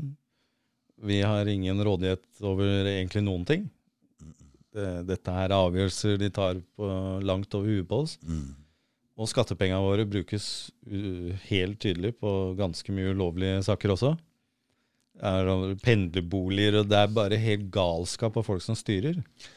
Og et storting helt i kne, og, og tilliten som svekkes daglig. Ikke sant, Vi har jo prata om Vi går jo har- mot, uh, går jo mot uh, mørkere tider der. altså, polit, Politikerforakt er jo et ord som er ganske gammelt. Ja. Det har vi hørt om i 20 år. Den utvikler seg nå til noe Ja, ja. Altså, Jeg tror det foraktordet nesten Ja, men Går nå over til begynner jeg å noe annet, at altså. det er ikke forakt. Det begynner å bli sånn Når du ser Biden nå, da. mm, Det, det er jo en statlig harakiri. altså Fyren klarer jo ikke å gå, klarer jo ikke å snakke, klarer jo ikke å redegjøre noen ting. Eh, og du tror- ser det samme i Norge. at eh, liksom Stortingspresidenten veit ikke om hun bor på gutterommet til Trond Giske eller sammen med samboeren på ski, liksom. det, mm. det er ikke sånn at vi tror på det, stortingspresident. Vi tror at du så en mulighet til å tjene deg noen ekstra kroner. Herregud, hør, og tok en hvor, hva er lønna ikke for de folka men der? Altså, nå så jeg noen stortingspolitikere sa, gikk ut og sa at de har ganske god lønn, de der. altså. Ja. Og en stortingspresident tjener Og ganske goder, da, i tillegg. Og så skal du drive og snike til deg Hva er det med folka? Skal snike til deg ekstra tusenlapper, bare? Hva er dette for noe? Så Ja, men det er tegn på, det er tegn på personligheter som, som liksom ikke ser regulering. Da. Ikke tenker grenser. Ikke Da kan vi begynne å prate om eh, For jeg hadde jo Jan Bøhler inne her, og jeg vet ikke om han snakka om det på podkasten, men disse alliansene altså, Du kan tenke deg Farmen hvis du, Farmen på steroider, da. For å komme seg opp i maktposisjoner og allianser og vinne og greier. ikke sant? Helt fra du er ung. Manipulasjon. Ikke sant? Og du må drive og holde deg inne med dem og dem. og Dette er de folka som kommer opp på toppen i politikken. ass. Ja, de er altså det- helt skrudd i pappen. Altså. nå, nå er det jo egentlig sånn at eh, Jeg syns jo jeg syns det merkeligste med hele samfunnet er eh, mest åpenbare ting. Da. Det er hvilke personligheter er det vi på en måte Hva er demokrati sånn sett utenfra? Så er det jo en popularitetskonkurranse Mm. av folk som Ja. åpenbart ikke kommer til å holde det de sier. Aldri. Aldri. Og, Og- det er og lov å lyve. ikke- sant? Hvis ikke demokrati får en ansvarliggjøring for at det du lovte før valgkampen, Ja, er noe du gjør når du har fått stillinga di, så, så er jo det en arbeidskontrakt, kan du si, da, Men hør nå. eh, nå, som du ikke overholder. nå ser jeg jo det hele tida. Nå prater jeg en del om det på podkasten, for jeg ser at det er på tide å bli voksen. Ta ansvar for seg sjøl. Ta ansvar for sine egne ord. At du sier det som er riktig, at du står for alt mulig. At du er ansvarlig person. Altså, da kan det ikke bare komme hva som helst ut av kjeften på disse politikerne, og så er det ikke noe verdt. Altså, det Altså, er, altså, da du kan de ikke si det. det altså, de, må, de, må også, de må også kunne stå til ansvar for det de sier. Og sine handlinger. Det må alle. Ja, men når Og det er der vi er det nå. er jo ikke sånn det fungerer. Dag Nei, men sånn må vi ha det. Ja, altså Hvis ikke så kan vi ikke ha de dette folka blir der. the great reset, så, så, så kan det jo fort bli at det blir a great reset for disse også. Ikke sant? Eh, Fordi- tenker jeg, da. ja, for eh, vi vil også ha vår egen reset. Jeg tror nok de fleste nordmenn hadde satt veldig pris på, eh, de aller fleste i hvert fall, om de blei spurt. Og, og at vi ser eh, type organisasjoner som Folke, Folkestyret Direkte og alle disse, da.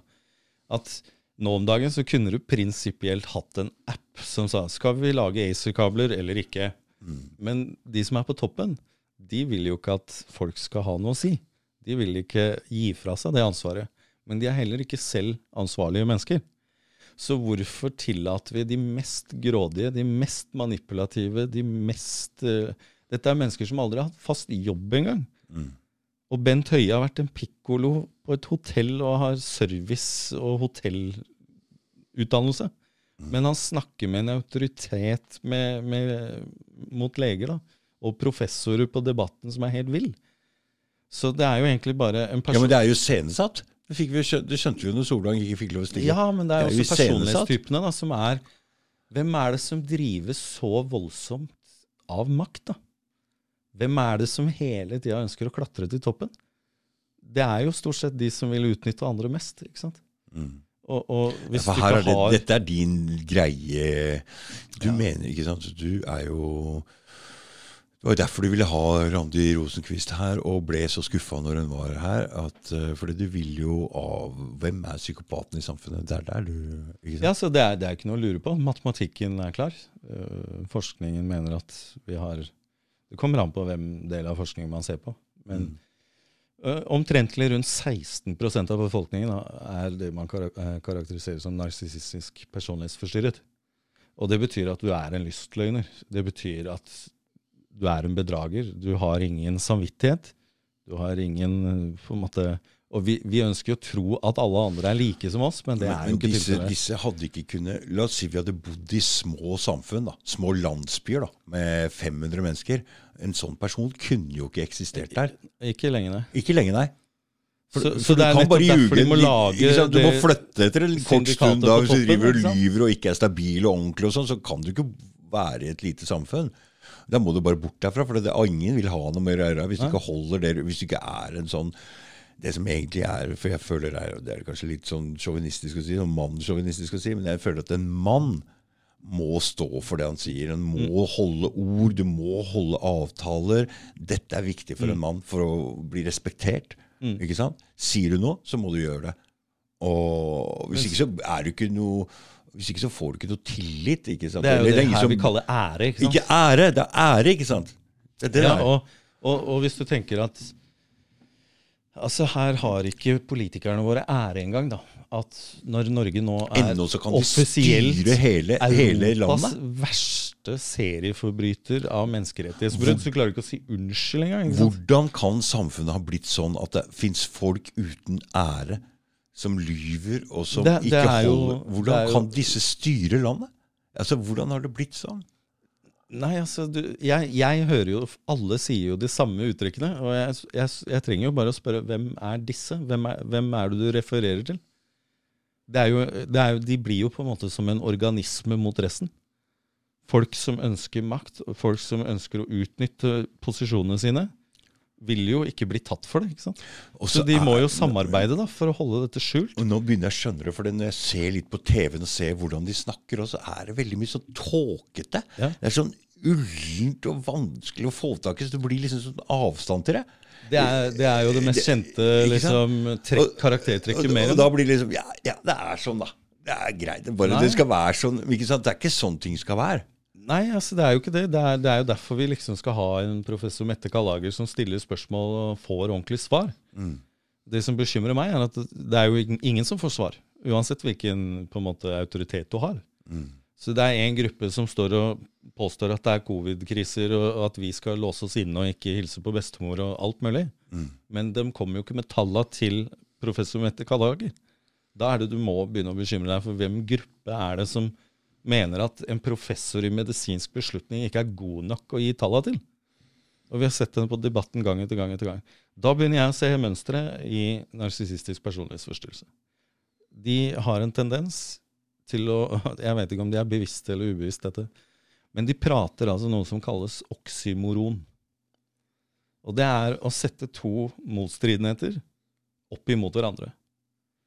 Kanskje en av de mest kjente siste årene er jo War on Terror. Eller den jeg nevnte i stad. Koronapass redder jula.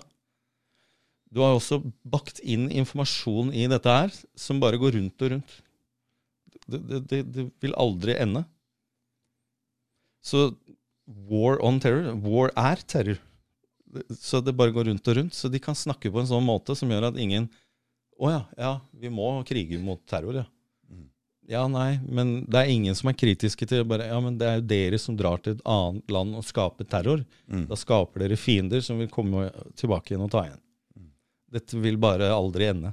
Og hvis du har sånne ledere da, som hele tida bare snakker rundt og rundt og rundt, og aldri gir et svar, så må man jo begynne å vurdere er dette en personlighet som kan være redegjørende og ansvarlig som en leder av Norge.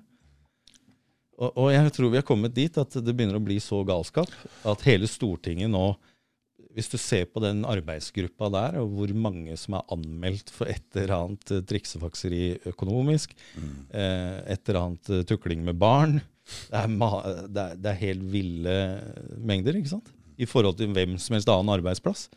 Så da begynner du å lure er det en kultur.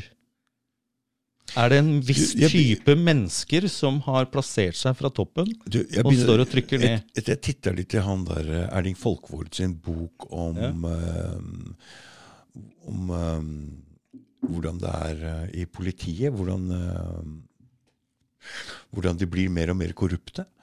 Og det virker som om hvis, hvis det er én person inne i systemet som plutselig gjør en eller annen litt sånn små Ikke ulovlig, da, men en liten sånn greie. Og så er det en annen som gjør det òg. Så lager de en slags allianse, skjønner du. Og så vokser det på seg, og så slipper de bare inn folk som Og så blir det bare mer og mer og mer av det, og så slipper ingen andre inn.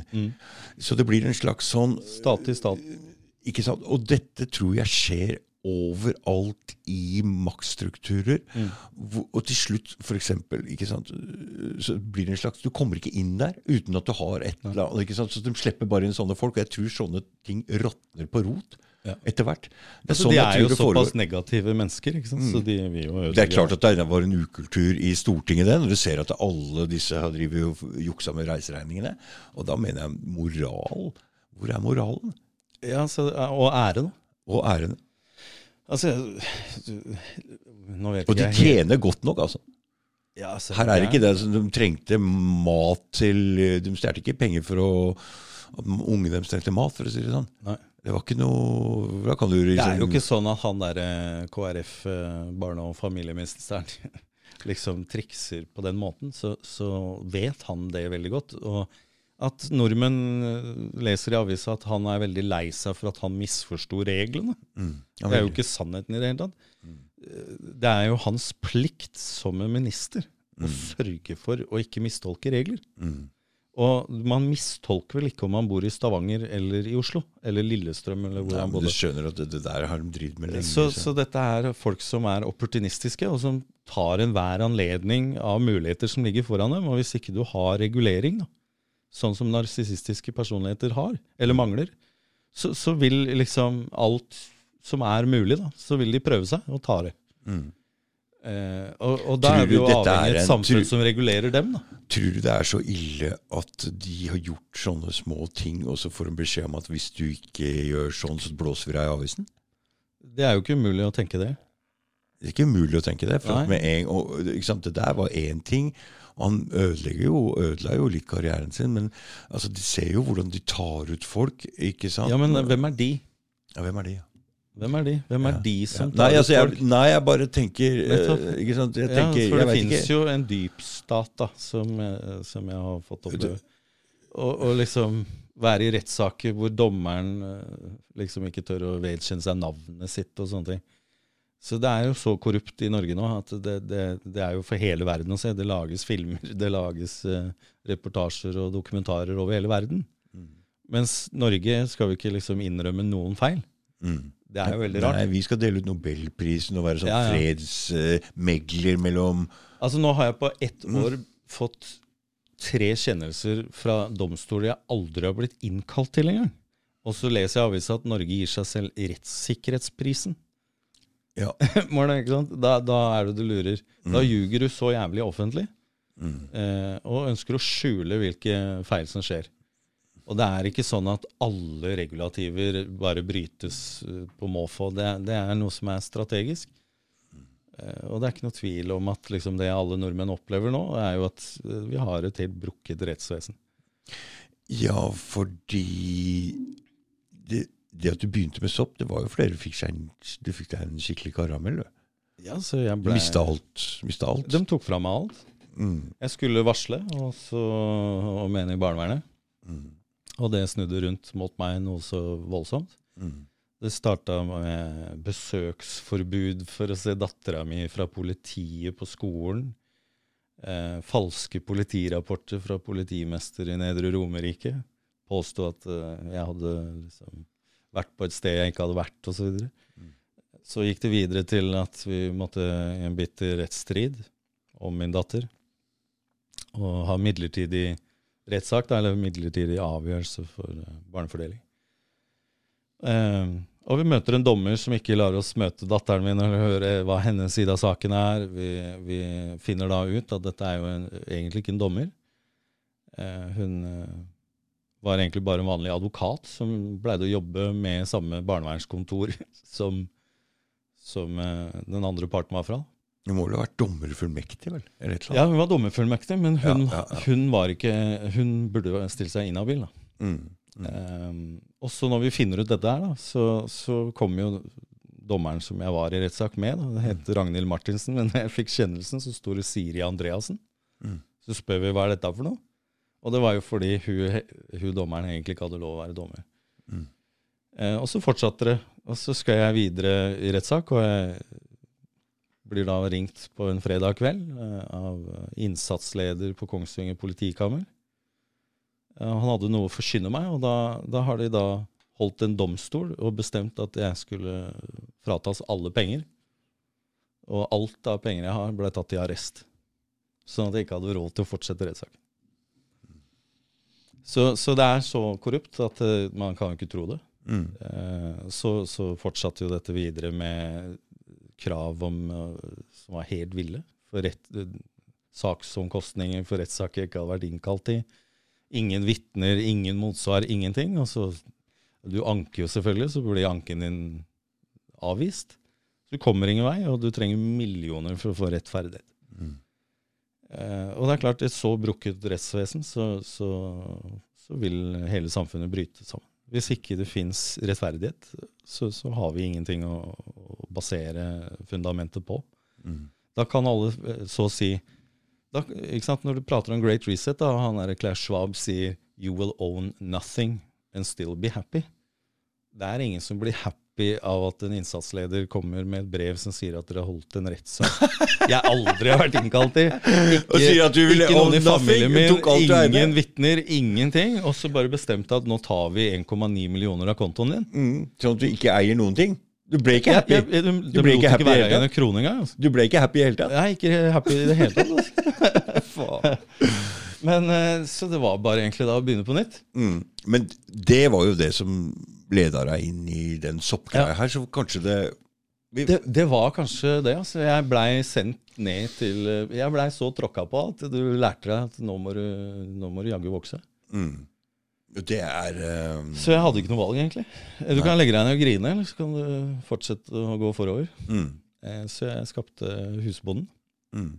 Og da var det jo liksom det at du ønsker at arbeidshverdagen din skal være noe konstruktivt. Mm. Det er ikke bare for å liksom tilby noe til andre, men det det er også det at folk får glede av det du driver med. og sånne ting, og det du skaper helt den positive energi. energien. Ja, helt annen energi. Eh, Så jeg har liksom sona litt vekk fra liksom det hele den, Den samfunnsdebatten sant? eh, Mm. så voldsomt. Fordi, Mm. fordi man må balansere med noe positivt. Ikke sant, ikke sant. Mm.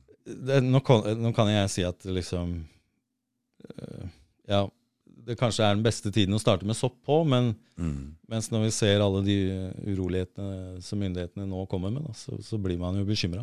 Mm. Eh, Men la bare Nakstad være bekymra, Steven.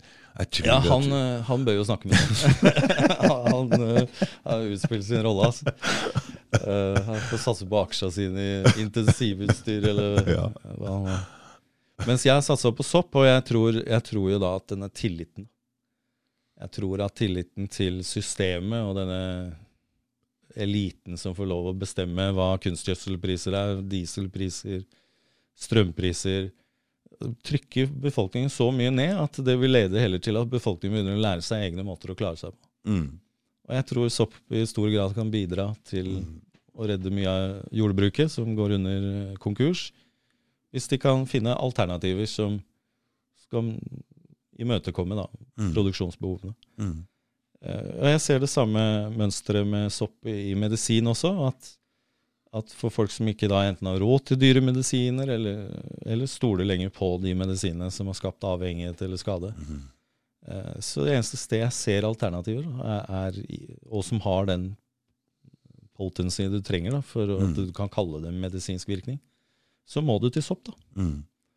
Så jeg håper jo det her er, er liksom motsvaret. litt sånn der, Det er jo litt uh, Mm. Ja, ja, ja, ja. anarkisten i Steven som kommer. Mm.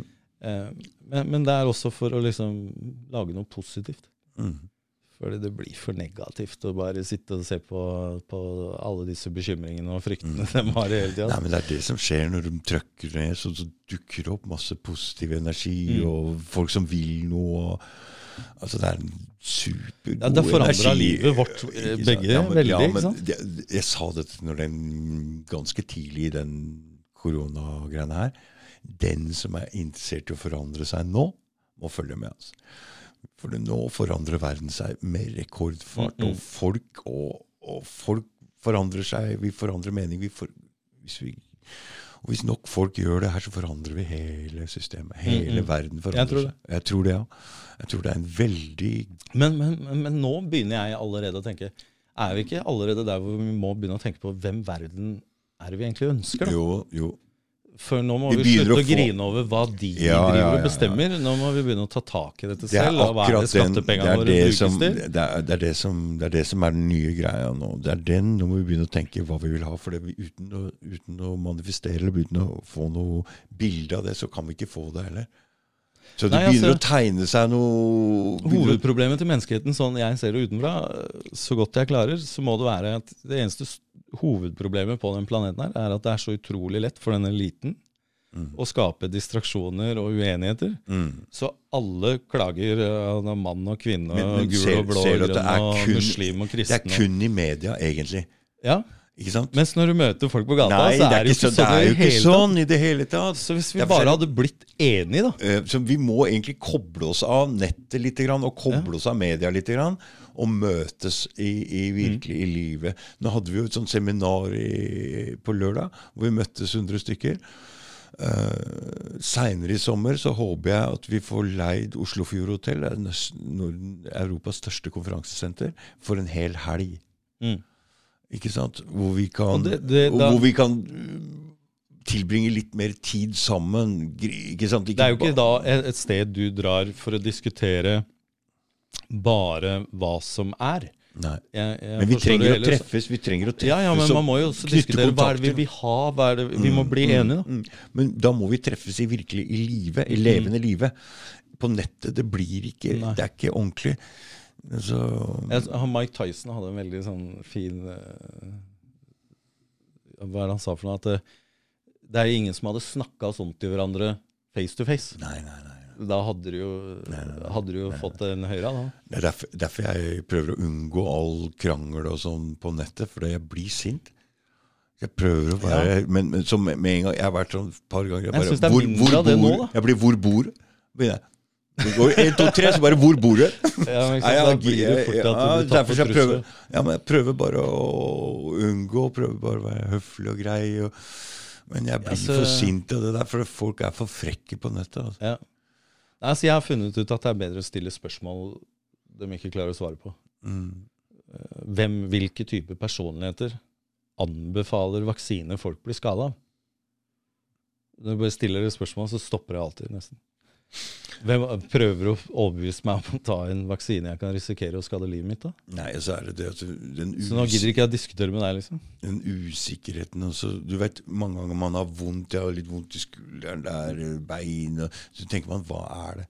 Hva er det kommer av? Mm. Altså, hvis du skal ha den usikkerheten med at du har tatt en vaksine, da, og gå og tenke på Er det det? Er det den, eller? Ikke sant? Bare det. ja. Ja, Men tenk deg nå, Dag Thomas, om du har tatt de vaksinene, så begynner du å få vondt i hjertet. Mm. Da hadde jeg blitt redd. altså. Ja, det er det. Og jeg, jeg, jeg, jeg tror jo det, da. At dette her vil jo lede til litt kaos. Det er jo liksom sånn at de mest lydhøre for myndighetene da, du tenker jeg hvis de vet at de har kort tid igjen, eller noe sånt, at Ja. dette kan lede men, men, til men, men det har jo blitt satt utrolig mange vaksiner, og det er 50 000 rapporterte bivirkninger. mm. Foreløpig, ja. Ja, foreløpig, da. Mm. Mm. Men eh, er ja, Så er 5000 av dem alvorlige, eller noe sånt? Er det? ja og så Av er det- halvparten, altså 25 000 er behandla, og 5000 Er det sånt? Er det det som er tallet? Altså, Jeg er ikke sikker på hva det er, ja. men det er mer enn nok. Uh, mye mye mer enn Pandemrix eller svineinfluensa da. Mm. og noen annen vi har hatt. Det er nok til og, å stille og, og mye mer enn det covid har skada. Mm. I Norge, i hvert fall. Hvis du bare ser på Norge. Altså, vi hadde, jeg hadde jo covid, og, og det var jo ikke noe ille sykdom. er det for- covid du hørte i halsen her i stad? Nei, jeg tror ikke det. Jeg tror vanlig sykdom. Ja, Men det er jo ikke vanlig sykdom, covid, da! Nei, men jeg må jo si at den var jo litt rar, da. Når du mister liksom luktesansen og litt annerledes enn eh, andre ting. Så å si at det ikke eksisterte noen ting, er kanskje feil. Men, men jeg vil tro at for de aller, aller fleste, som det har også vist seg å stemme for, så har det jo ikke vært verre enn en vanlig influensa. Mm. Um, mens for de andre så, så er det jo fort gjort at det blir voldsomt. Og vi var sju stykker som blei smitta uka før lockdownen starta i mars. Eh, og han ene som blei sjuk samtidig da under samme middag, han mista jo synet på det ene øyet etter eh, influensaen. Mm. Så, så at noen har fått vanvittige men av sykdommen, er er jo ikke noe tvil om. Men det gjør de av influensa også. Vi ser jo tallene fra 2017 og aldri 18 og 19 har vært verre enn covid. Vi har, vi har aldri satt sånn scrutiny på noe influensa før. Fulgt med hvert enkelt tilfelle. Og folk, ikke sant, Med den mediedekninga her altså Hvis du veit om placebo, så klarer du å skru opp altså 30 mm. Altså Med den mediedekninga her, så klarer du altså å justere opp sykdommen din sjøl 30 Altså, Jeg var jo skikkelig sjuk her uh, før Ja, men Er du kom. så redd for å bli sjuk? Jeg er ikke redd i det hele tatt. Nei, men ikke sant? Det er jo det nettopp veldig mange blir, da. Mm. Når du får høre frykt, fryktpropaganda hele tiden. Altså Folk spør meg om jeg ville ha den Ivermectin og den greiene der. Jeg bare Hva faen skal jeg med det? Drit i det. Jeg tåler, å- være influensa. Ja, nettopp. Men når du blir eh, 78 og, og sviktende helse, sant? så Ja, kanskje du hadde ja. vurdert det mer annerledes. da. ja, ja, ja. Så jeg, jeg vil ikke beskylde noen som har tatt vaksina heller for å liksom gjøre feil valg. De har jo prøvd å, å Altså, bevare sin helse. Mens når det er så mange som får andre reaksjoner, så bør det redegjøres. Mm. Før man fortsetter videre med, med booster og alt mulig. Mm. Eh, og hvis jeg ikke tar feil, så var det noe om at uh, tredje booster hadde veldig, veldig mye høyere bivirkninger da, enn de andre. Så får vi se hvordan dette spiller ut, men Mm, å mm. stå og tvinge oss til å ta vaksiner. Ja, ja. eh, og så stå og påstå at de ikke tvinger oss, og at alt er frivillig og eksperimentell, og det er ikke måte på, det blir litt for tørt, da. Mm. Ja, ja, det, er, det er ikke rart vi reagerer på det der. En, en en, sykdom som nå er nedgradert til en forkjølelse, øh, og så sier du at du må ta vaksine, som ikke virker. Og må ta Altså, den mange ganger. ja, ja. Altså, Hvor ha, må ta den mange ganger for å kunne delta i samfunnet. Altså, hvis ikke det sånn- blir bråk av dette, da skjønner Det, jeg blir, ingenting. det er jo allerede veldig Ja, bråk av dette, og det, det er jo sånn at u, uavhengig, tenker jeg da, Mm. om du er sånn konspirasjonsteoretiker, Mm. så har du en teori om at noen konspirerer.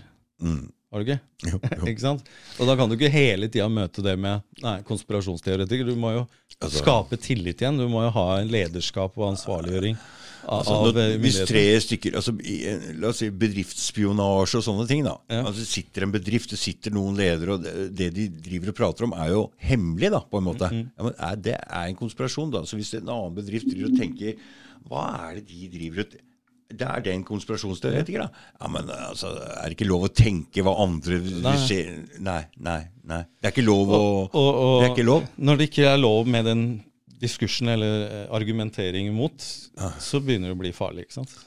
Så jeg tror vi nå skal inn i en sånn skikkelig gal periode hvor det begynner å rakne litt for denne eliten. Mm. Eh, og du har hatt eh, Marius Reikerås her mer enn én gang. Mm. Og, og det han har å fortelle, er jo så åpenbart at det er jo samme om det er eh, europeiske menneskerettighetsdomstol eller hvem som kommer. Mm. Norske myndigheter bryr seg ikke noen ting om hvilken kritikk de får. De tar ikke ansvar, sier ikke unnskyld, de kommer ikke til å gjøre noen ting. Før eller siden så jeg er helt sikker på at den norske befolkningen må opp av sofaen Altså, og ut og stoppe disse her fra å bøffe hele landet vårt. Tror disse politikerne i Norge at de virkelig er den fredsprisnasjonen som alle kommer til å levere ut Nobels Vi har den posisjonen, så tror de på Mm. det sjøl. Sånn at de kan ikke ta kritikk om noe som foregår her i Norge. De kan ikke peke på noen ting.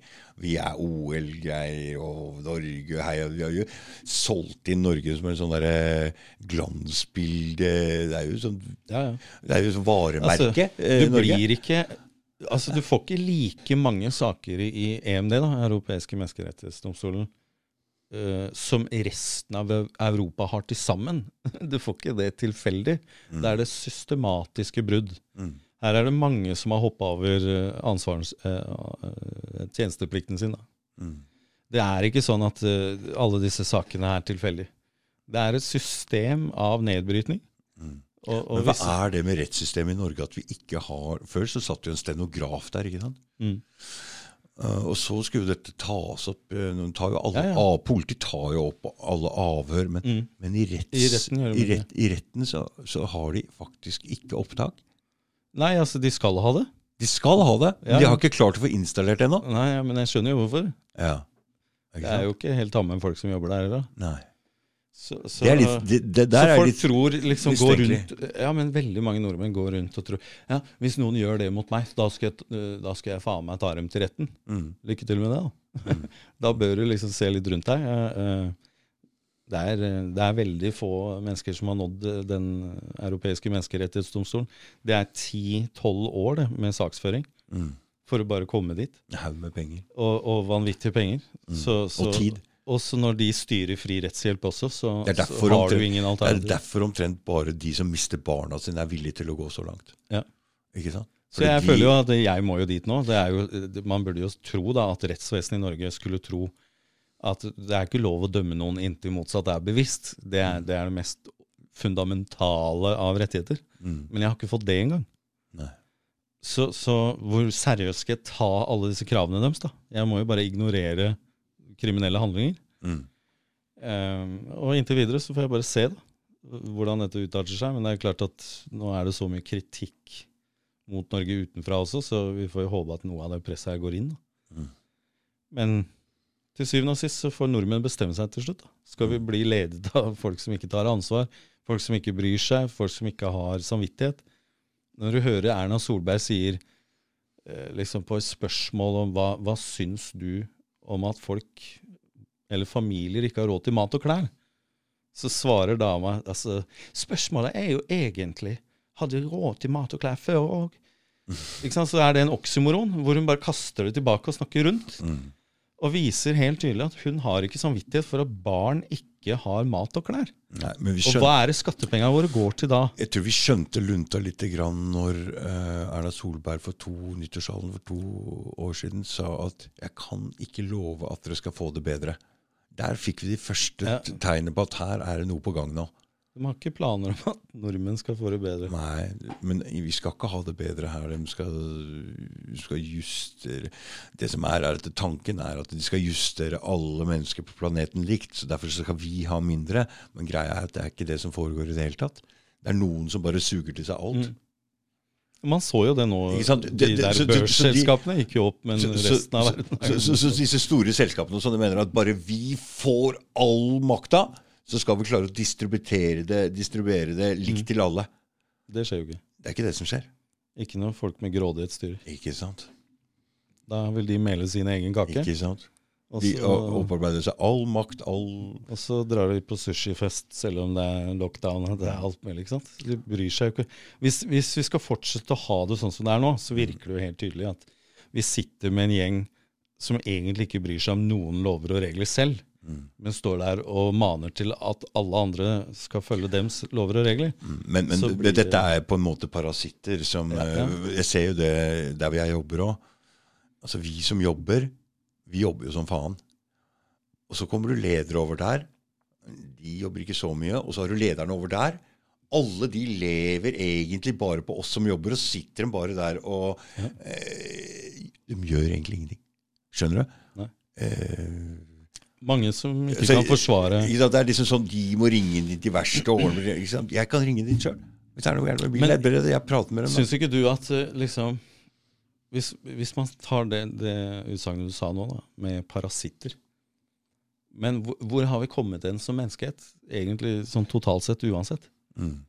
Er det sånn at uh, hvis ikke vi bidrar til noen ting for fellesskapet, da, så, så betyr det at en annen person er nødt til å produsere maten til deg. Noen annen er nødt til å produsere mer Mm. hele tiden, Ja, ja, ja, at du kan leve et liv hvor du ikke produserer noe som helst. Fordi de fleste nå de vil jo ikke jobbe fysisk eller produsere noe som helst. ikke sant? De vil bare drive og flytte på papir og sitte og styre. på penger. Det er jo nesten bare en liten gjeng som jobber fysisk og produserer noe, mens den andre 80% sitter og skal liksom organisere den jobbinga, da, på en måte. Det det de Ja, ja, og nå driver jo liksom norske myndigheter og angriper de som produserer. Så du får bondeopprør, du får strømopprør, du får barnevernsopprør, du får eh, alle mulige opprør. Mm. Og, og da er det ikke noe lenger tvil om at dette er ikke mennesker Jeg hadde ikke liksom stolt på noen av disse her. Ja, men dette er ikke bærekraftig, for å bruke et Ja, ja. For å bruke et Egentlig skal man jo se det sånn at de er jo hypokratiske mennesker. Det veit jeg ikke hva for noe. Det betyr at de er egentlig prinsipielt nesten vrangforestilte. De står og sier ting Hypocrite? Ja, hypocrite, ja. Men, men ikke sant, MDG, da, ta ett eksempel. Har vært i bystyret i Oslo i hvor mange år nå? Mens rett utafor badet, liksom det nye på hva heter det, ved Sjusjøa der, så er det jo dumpingplass i hele Oslofjorden. Og det fins jo ikke en fisk igjen i Oslofjorden. Masse giftstoffer og alt mulig. Og der har du liksom Miljøpartiet De Grønne, da, som har liksom regjert hele veien. Så de, de gjør jo ikke det de sier.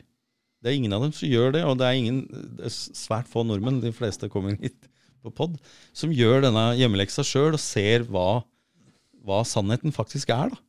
Mens hvis du bare liksom kan stå på Debatten i en halvtime hver fredag liksom, og, og bare stå og si noen ord, så er det bare en kode for å lure deg til å gå videre og ikke tenke noe mer på det. Men spørsmålet blir jo alltid hva var det som egentlig har skjedd?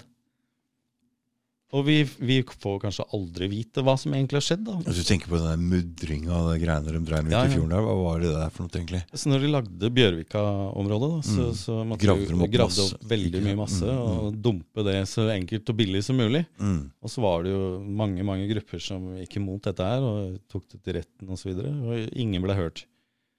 Og at liksom strømforholdene i Oslofjorden er jo sånn at hvis du dumper det innerst, så vil du lage en sånn virvel med dette her. Mm. Og dette da spredde seg, og var voldsomt mye sediment, eller giftstoffer i det sedimentet. da. Fra all den skipstrafikken som har vært i hundrevis av år. Du vet, den Oslofjorden der har et annet problem òg. Det er den der muren som ligger ute i Drøbaksundet der. vet du. Mm. Den gjør jo at det ikke skifter ordentlig tidevann og sånn. ikke sant? Mm. Den der som, Det er bare litt av du vet, Det er bare en sånn lita Ja, det- renne der. Den, den ble jo lagd for at det ikke skulle komme inn krigsskip, sånn at du kunne stille inn Ja, ja. kanonene og sånn der. Men den gjør jo at det, det skifter jo ikke ordentlig inni der. På grunn av det. Du skulle bare tatt bort den der. Vi trenger ikke den nå, eller? Altså, jeg har, hadde båt i Oslofjorden, og jeg tror jeg tråla rundt tusenvis av timer. Fikk ikke makrell eller noen ting altså, etter den der dumpinga der. Mm. Og da er det du lurer, hva er politikken i dette her? Hvis du endelig har fått makt og du heter Miljøpartiet De Grønne, hvorfor stoppa ikke de dette? Eh, og, og hvis jeg ikke tar feil, så var det en gruppe fra Nesodden som tok dette her til retten. Fordi dette spredde seg jo helt fra innerst, helt ytterst mot Nesodden. Og, og du veit, når politikere ljuger og sier egentlig direkte motsatt da, av hva de egentlig gjør altså, De står og sier at vi er et rettssikkert land, mens de står her og dømmer folk uten å ha innkalt dem til retten. Eh, de står og kaller det barnevern, mens det er barneangrep. Det, det er liksom Det er helt galskap. Så noen er nødt til å gjøre noe med liksom, Stille dem til ansvar. da. Og hvis du var politiker og du ikke gjør det du har lovet, så bør jo det på en måte straffe seg på et vis. Ikke sant? Men de, de er helt fritatt alt. Ja, de er fritatt. Og det kan vi ikke fortsette med. Og det gjelder egentlig uansett offentlig person, tenker jeg. Mm, det gjelder alle personer. Ja, ja, ja. Alle må være ansvarlige for det de sier. Selvfølgelig. Og, og jeg blir jo liksom bekymra egentlig når jeg hører på alle gjestene her. Fordi er det liksom sånn når du drar på seminar om naturlover eller marine law, det er common law og alle disse her, så blir jeg mer sånn Jøss. Hva er for noe gærent med norske lover, da, siden det plutselig ikke gjelder lenger? Er vi blitt enige om at norske lover det er en tekst, men den kan vi ikke bruke til noe? Er du kriminell, så er du kriminell. Og det er samme om du er Tutankhamon, statsminister Solberg eller hvem du er. Har du gjort noe kriminelt, så du er du lik for loven, står det jo i Grunnloven. Mens folk kommer hit og sier at Grunnloven plutselig ikke gjelder, den er kongen sin. Eh, så nå er det så mye forvirring, så jeg venter til støvet legger seg litt før jeg, før jeg går inn i en disputt igjen. Altså. Eh, men, men jeg er ganske sikker på at de fleste eh, ville opplevd det samme som jeg hadde. At du får ganske sjokk at noen bare sender deg brev om at nå eier de alt du har på kontoen, og huset ditt og alt av De har til og med boksershortsa mine ennå. Har ikke fått det tilbake heller.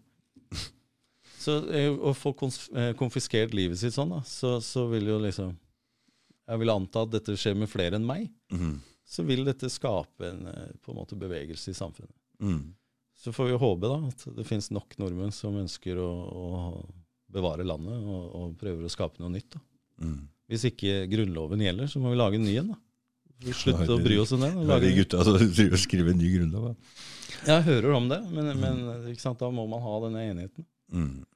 Skal vi stemme over det? Skal vi, hvordan skal vi gjøre det? Ja, vi får se, men det blir jo bare flere og flere folk som ser at det er noe At vi ikke vil ha det sånn. Hvor tror du Norge er om fem år? Jeg vet ikke, jeg har ikke peiling. Jeg, jeg, um, ting skjer fort nå. Så hvis det er sånn at denne covid bare er starten på noe eh, mer, og en bankkrise og en matvaremangel og noen konflikter med muslimer og noe greier som de kanskje har Mm, planlagt her, sant? Så, så, så jeg veit ikke hva vi er, Hvis det er the great reset, altså, vil jeg gjerne ha et ord med i laget om Det er derfor det er viktig det du sa i stad, om at vi også må prøve å tenke hva vil vi ha? Mm. Hva, Jeg tror det, det hjelper å ikke være så fokusert på hva de bestemmer, mm, og heller gå dit og komme med et krav, Mm. så, som, eh, som er at strømtilførselen i Norge, den bør jo nordmenn ha noe å si om. mm, Den gjelder jo oss alle. mm. Eh, og at vi skal tillate at noen skal bare overstyre fra toppen og si at det er noe av EU sitt, Mm. så, så vil jo ikke dette stoppe før vi tar det fra dem.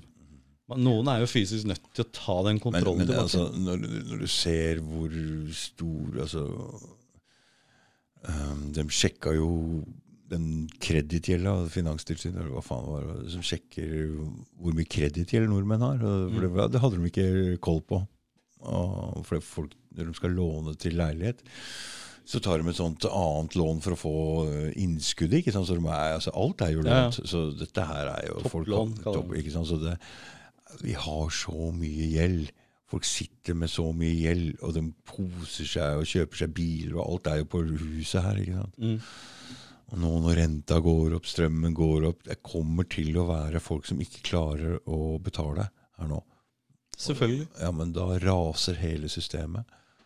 Ja, det er det de vil. Ikke sant? Og, så Du kan det- si at i 30 år på rad så har det så å si vært et snitt i gjennomsnittlig lønnsøkning på, på 4,5% Men det har vært en gjennomsnittlig boligprisvekst på 9% som er akkurat dobbelt. Mm, Så når du ser de to grafene ved siden av hverandre, så, så, så vil jo den dra ifra. mm, Og det eneste forskjellen da, fordi nordmenn fortsetter å bo i boliger, det er jo at gjelda deres er mye høyere. mm, Og den er såpass pressa på at hvis strømprisen bare går opp 10-20% så merker folk det. Mm. Eh, Så er det selvfølgelig mange nordmenn som ikke merker det fordi de har så høy lønn, men Men, men, men plutselig nå så går jo bedrifter konkurs også, Mm. ikke sant, pga. den koronagreiene her. Og de, alle de penga som Norge har brukt på å betale folk full eh, arbeidsledighetstrygd, f.eks., altså, Mm. og alle de støtteordningene til bedrifter og til vaksiner, til innkjøp av altså Dette koster penger. Vi har ikke fått den regninga ennå. Så ja, kostnader av testing, kostnader av å holde Ja, alle unga hjemme Ikke sant, De har ansatt masse vakter. Alt dette koster jo. Det, det er jo vi som betaler det. Vi har høyere et eller annet. Høyere et eller annet. Og da, da er det jo veldig rart at vi kan hemmelighetstemple det i, i 60 eller 75 år og ikke ha informert samtykke om noe av dette her. Det er, det er jo et rent ran uten å fortelle Det er, de, de behandler oss som barn, Steven. Ja, ja. Det, men, men, Men selv som litt- barn så er de nysgjerrige, da. Så, Ja, barn er veldig nysgjerrige. så, så det må jo i hvert fall være lov å stille spørsmål, tenker jeg da. Ja, nei, det kommer PST. Men eh, det er ikke lov. Da kommer PST og sier du er terrorist. Så det, så får vi bare prøve det. For meg. Nei, men eh, det er i hvert fall spennende å se, da. Husbonden, eh, du, skal du ikke reklamere litt for, for bedriften din og sånn? Vi, Du holder kurs, ikke Holder da? kurs, ja. Det er mulig å kjøpe sopp og vi selger altså da, eller tilbyr da, sånn at uh, vi klarer jo ikke å distribuere sopp i hele Norge. mm. Så da var jeg heller ideen om at vi kan jo prøve å få hele Norge til å bli hobbydyrkere. da. Mm. Uh, Så vi selger altså muligheten til å liksom gjøre dette her helt fra bunnen av. Mm. Uh, Med å ta ferdige substrater av eikeflis og smitte det selv og sånne ting. At uh, dette er også noe vi ser for oss kan bli kjempegøy for alle norske skolebarn. Mm. Så vi jobber nå med liksom eh, å utvikle en eh, litt mer læringsmessig versjon av det. Men akkurat nå så selger vi disse dyrkesettene på vår egen hjemmeside, husbonden.no, eller gjennom matoghage.no. Mm. Så kan man kjøpe forskjellige sett. Mm. Eh, de fleste av dem er veldig veldig enkle å dyrke, og så har vi disse litt vanskeligere hvor vi da tilbyr noe utstyr med Er dette litt vanskeligere? Den er litt vanskeligere. Mm. Det må nok ha en luftfukter. Dette er jo sopper som liker å gro med 80-90 luftfuktighet eh, osv. Så, videre. Mm. så for å få et godt resultat, da, så, så anbefaler vi bruk av det. Mm. Mens for de fleste typene vi har, så kan man dyrke de rett på kjøkkenbenken. Mm. Bare med å sprute litt vann på det. Men hvor, uh, hvor mye får du ut av en sånn en, og hvor mye koster det? Eh, denne her selger vi jo da på Mat og hage. Den koster 399. Mm. Vi høster av den i fem omganger, så du Mm. får ganske mye sopp. Mm. Vi, vi pleier å få over en kilo, Mm. så du får jo ganske mye. Mm. Så ut ifra hvor vi ser på dette med bærekraft da, igjen, Mm. Og du sa 18 gram om dagen, ikke sant? det holder for å redusere kreftrisiko. Ikke sant? Og, det er, og ikke bare det, men masse nerveceller og Ja. Alzheimer og Og denne. Denne er litt mer spesiell. Den Mm. tror vi i Husbollen kan bli den nye store åpenbarelsen for mange. da. Mm. Det den gjør, er at den, den har to stoffer. Den ene skaper nye drepeceller i kroppen. Hva betyr det? Eh, Du har altså drepeceller i, i kroppen din. T-celler og NP-celler er spesifikke den lager, da, Mm. som går til angrep på virus. Mhm. Eh, Denne her er også nå under veldig veldig stor eh, forskningsprosjekt mot kreft også. Så de har funnet ut at den egentlig ikke eh, direkte kan si seg er en kreftmedisin, men det den faktisk gjør, da, er at i kroppen din så har du et alarmsystem med makrofagene dine, og som skal liksom si fra at her er det noe gærent, og så Mm. skal det reagere med immunforsvaret ditt. Mm. Eh, Problemet med kreftceller er at den passerer disse makrofagene uten å bli gjenkjent som en skadelig celle. Mm. Eh, Så viser det seg at eh, hvis du tar til deg denne her, da, så, så setter den alt på rødt lys, og rett og slett sperrer av svulsten, så den ikke får spredt seg noe mer. Nå fikk jeg faktisk da en melding i dag morges av en han Chris i Bergen kjente, som, som kunne vise til at ved bruk av den, så, så hadde han fått beskjed på sykehuset i dag om at svulsten hadde svekket seg. Mm. Eh, Det som kanskje er mest imponerende med den, er at den fungerer ganske likt som penicillin gjør. da. Men den dreper ikke de snille bakteriene. Så den går bare til angrep på de dårlige bakterier. Hva heter det?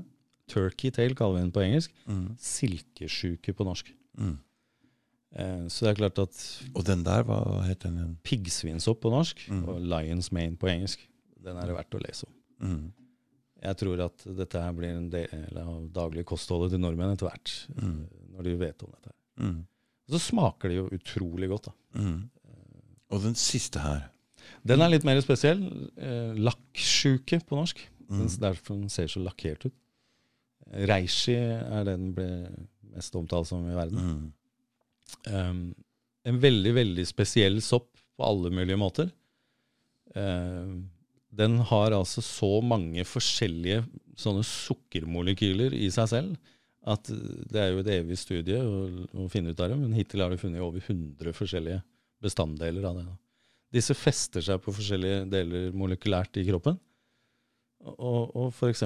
klarer å regulere insulin, klarer å, å, å regulere dopamin og serotonin i hjernen osv. Det er veldig veldig mye spennende forskning om den. Mm. Men eh, også brukt mot virus. Mm. Og den gjør at kroppen produserer mer drepeceller. Så vi får håpe at uh, dette er noe som kan hjelpe folk hvis de har, uh, har noen lidelser av disse vaksinene også. Ja. Uh, Det er spesif spesifikt mest forskning på hjerte- og karsykdommer med den soppen. Mm. Og at eh, den også gjør noe med kolesterolet. Mm. Um, så får man lese litt om det selv. Det fins veldig mye ute på nettet.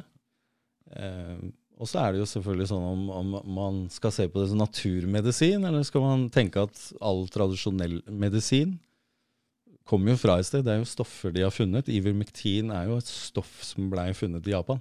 Mm. Eh, og, og hvis man tar disse samme molekylene som fins i legemidler, så, så ser ikke jeg noe galt i at man ser på det som en riktig medisin. Jeg har i hvert fall kommet til den beslutningen at i mitt liv så, så bruker jeg bare sopp. Og jeg har det så mye bedre. Jeg har ingen problemer med prolaps eller magebesvær som jeg hadde før. Mm. Og så får jeg høre masse masse andre gode historier om andre som opplever Er det disse tre medisinstoppene du har Ja. nå, eller? Det er de vi Ja, vi har en til. Mm. Eh, den, den er jo ikke så kjent som medisinsopp, men eh, heter maitake. Uh, korallsjuke på norsk. Mm. Men den er mer populær blant Michelin-restauranter og veldig sånn dyr sopp. da. Mm. Eh, så jeg har ikke med den i dag. Mm. Men det er de fire vi fører. Mm. Ellers så er det jo sånn at kanskje den mest kjente medisinsoppen da, som er lett for hver nordmann å finne, eh, er shaga, Mm. kalt kreftsjuke på norsk. Mm. Det er den som vokser på Det er den som vokser på bare på bjørk. Ja. Eh, denne, for å ta et eksempel, da, så har du liksom av målinger av antioksidanter. Så får du 35 enheter ut av blåbær, men du har 85 med sjaga. Mm. Så det er såpass mye høyere mengder av antioksidanter at uh, den er også ansett som kongen av all medisinsopp. Mm. Så ville man sagt at reishi var dronningen av all medisinsopp. Mm. Disse to uh, står som egne liksom, stjerner Mm. på sopphimmelen. Dette er jo ikke sopp som gror raskt, da, så, så derfor får de også litt høyere priser. Mm. Men Lions Mane er eh, helt innafor uh, kostnadsmessig, og, og er en vi kommer til å masseprodusere. Mm. Interessant. Vi lager den i pulver og lager den i, i forskjellige versjoner. Mm. Tørka og sånn. Altså du selger tørka òg? Mm.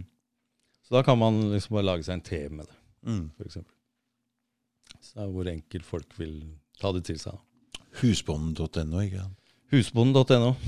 Det stedet skal man lese litt mer om hvordan det er å dyrke det selv, og så prøve seg med kanskje de enklere typene først. Og så se om eh, man vil prøve på disse litt vanskeligere etter hvert. Så da får du bare en sånn pakke? Altså Har du sporer inni, eller må du Da er det mycelet, altså selve, da er den kultivert ferdig. Mm. Så det eneste du skal gjøre, er å, å snitte den, og sørge for at den holder uh, noenlunde fuktig, Mm. så den ikke tørker ut. Så kommer den. Så kommer den.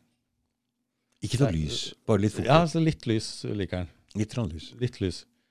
Eh, men ikke noe veldig sterkt lys. Og så er det veldig pussig, det med lys, er at når du har høsta den, Mm. og du setter den i sola, så fungerer den også likt mennesker. Så bare etter ti minutter i sola så har den over dobbel mengde D-vitaminer. Så den molekylært gjør om eh, et stoff som heter ergosterol, Mm. om til D-vitaminer. Mm. Så her har du da proteiner som eh, både er medisin og mat, og, og masse, masse, masse bra for kroppen. Mm. Bra. Skal vi runde av? her? Jeg tror jeg, klokka er ganske mye. Ikke sant? Vi sitter her nå klokka elleve om kvelden eller sånt. Ikke sant? Ja, du sover jo når du jobber så ja, tidlig, ja, så vet må man komme seg. Ja, jeg vet. Nei, men eh, det er i hvert fall verdt å vite og lese om. Så, Mm. så håper, jeg, håper jeg folk får opp øya for sopp. Mm. Jeg håper, ja. Takk skal du ha, mm, Steven. Takk skal du ha, Dag Thomas. ha det. Ha det.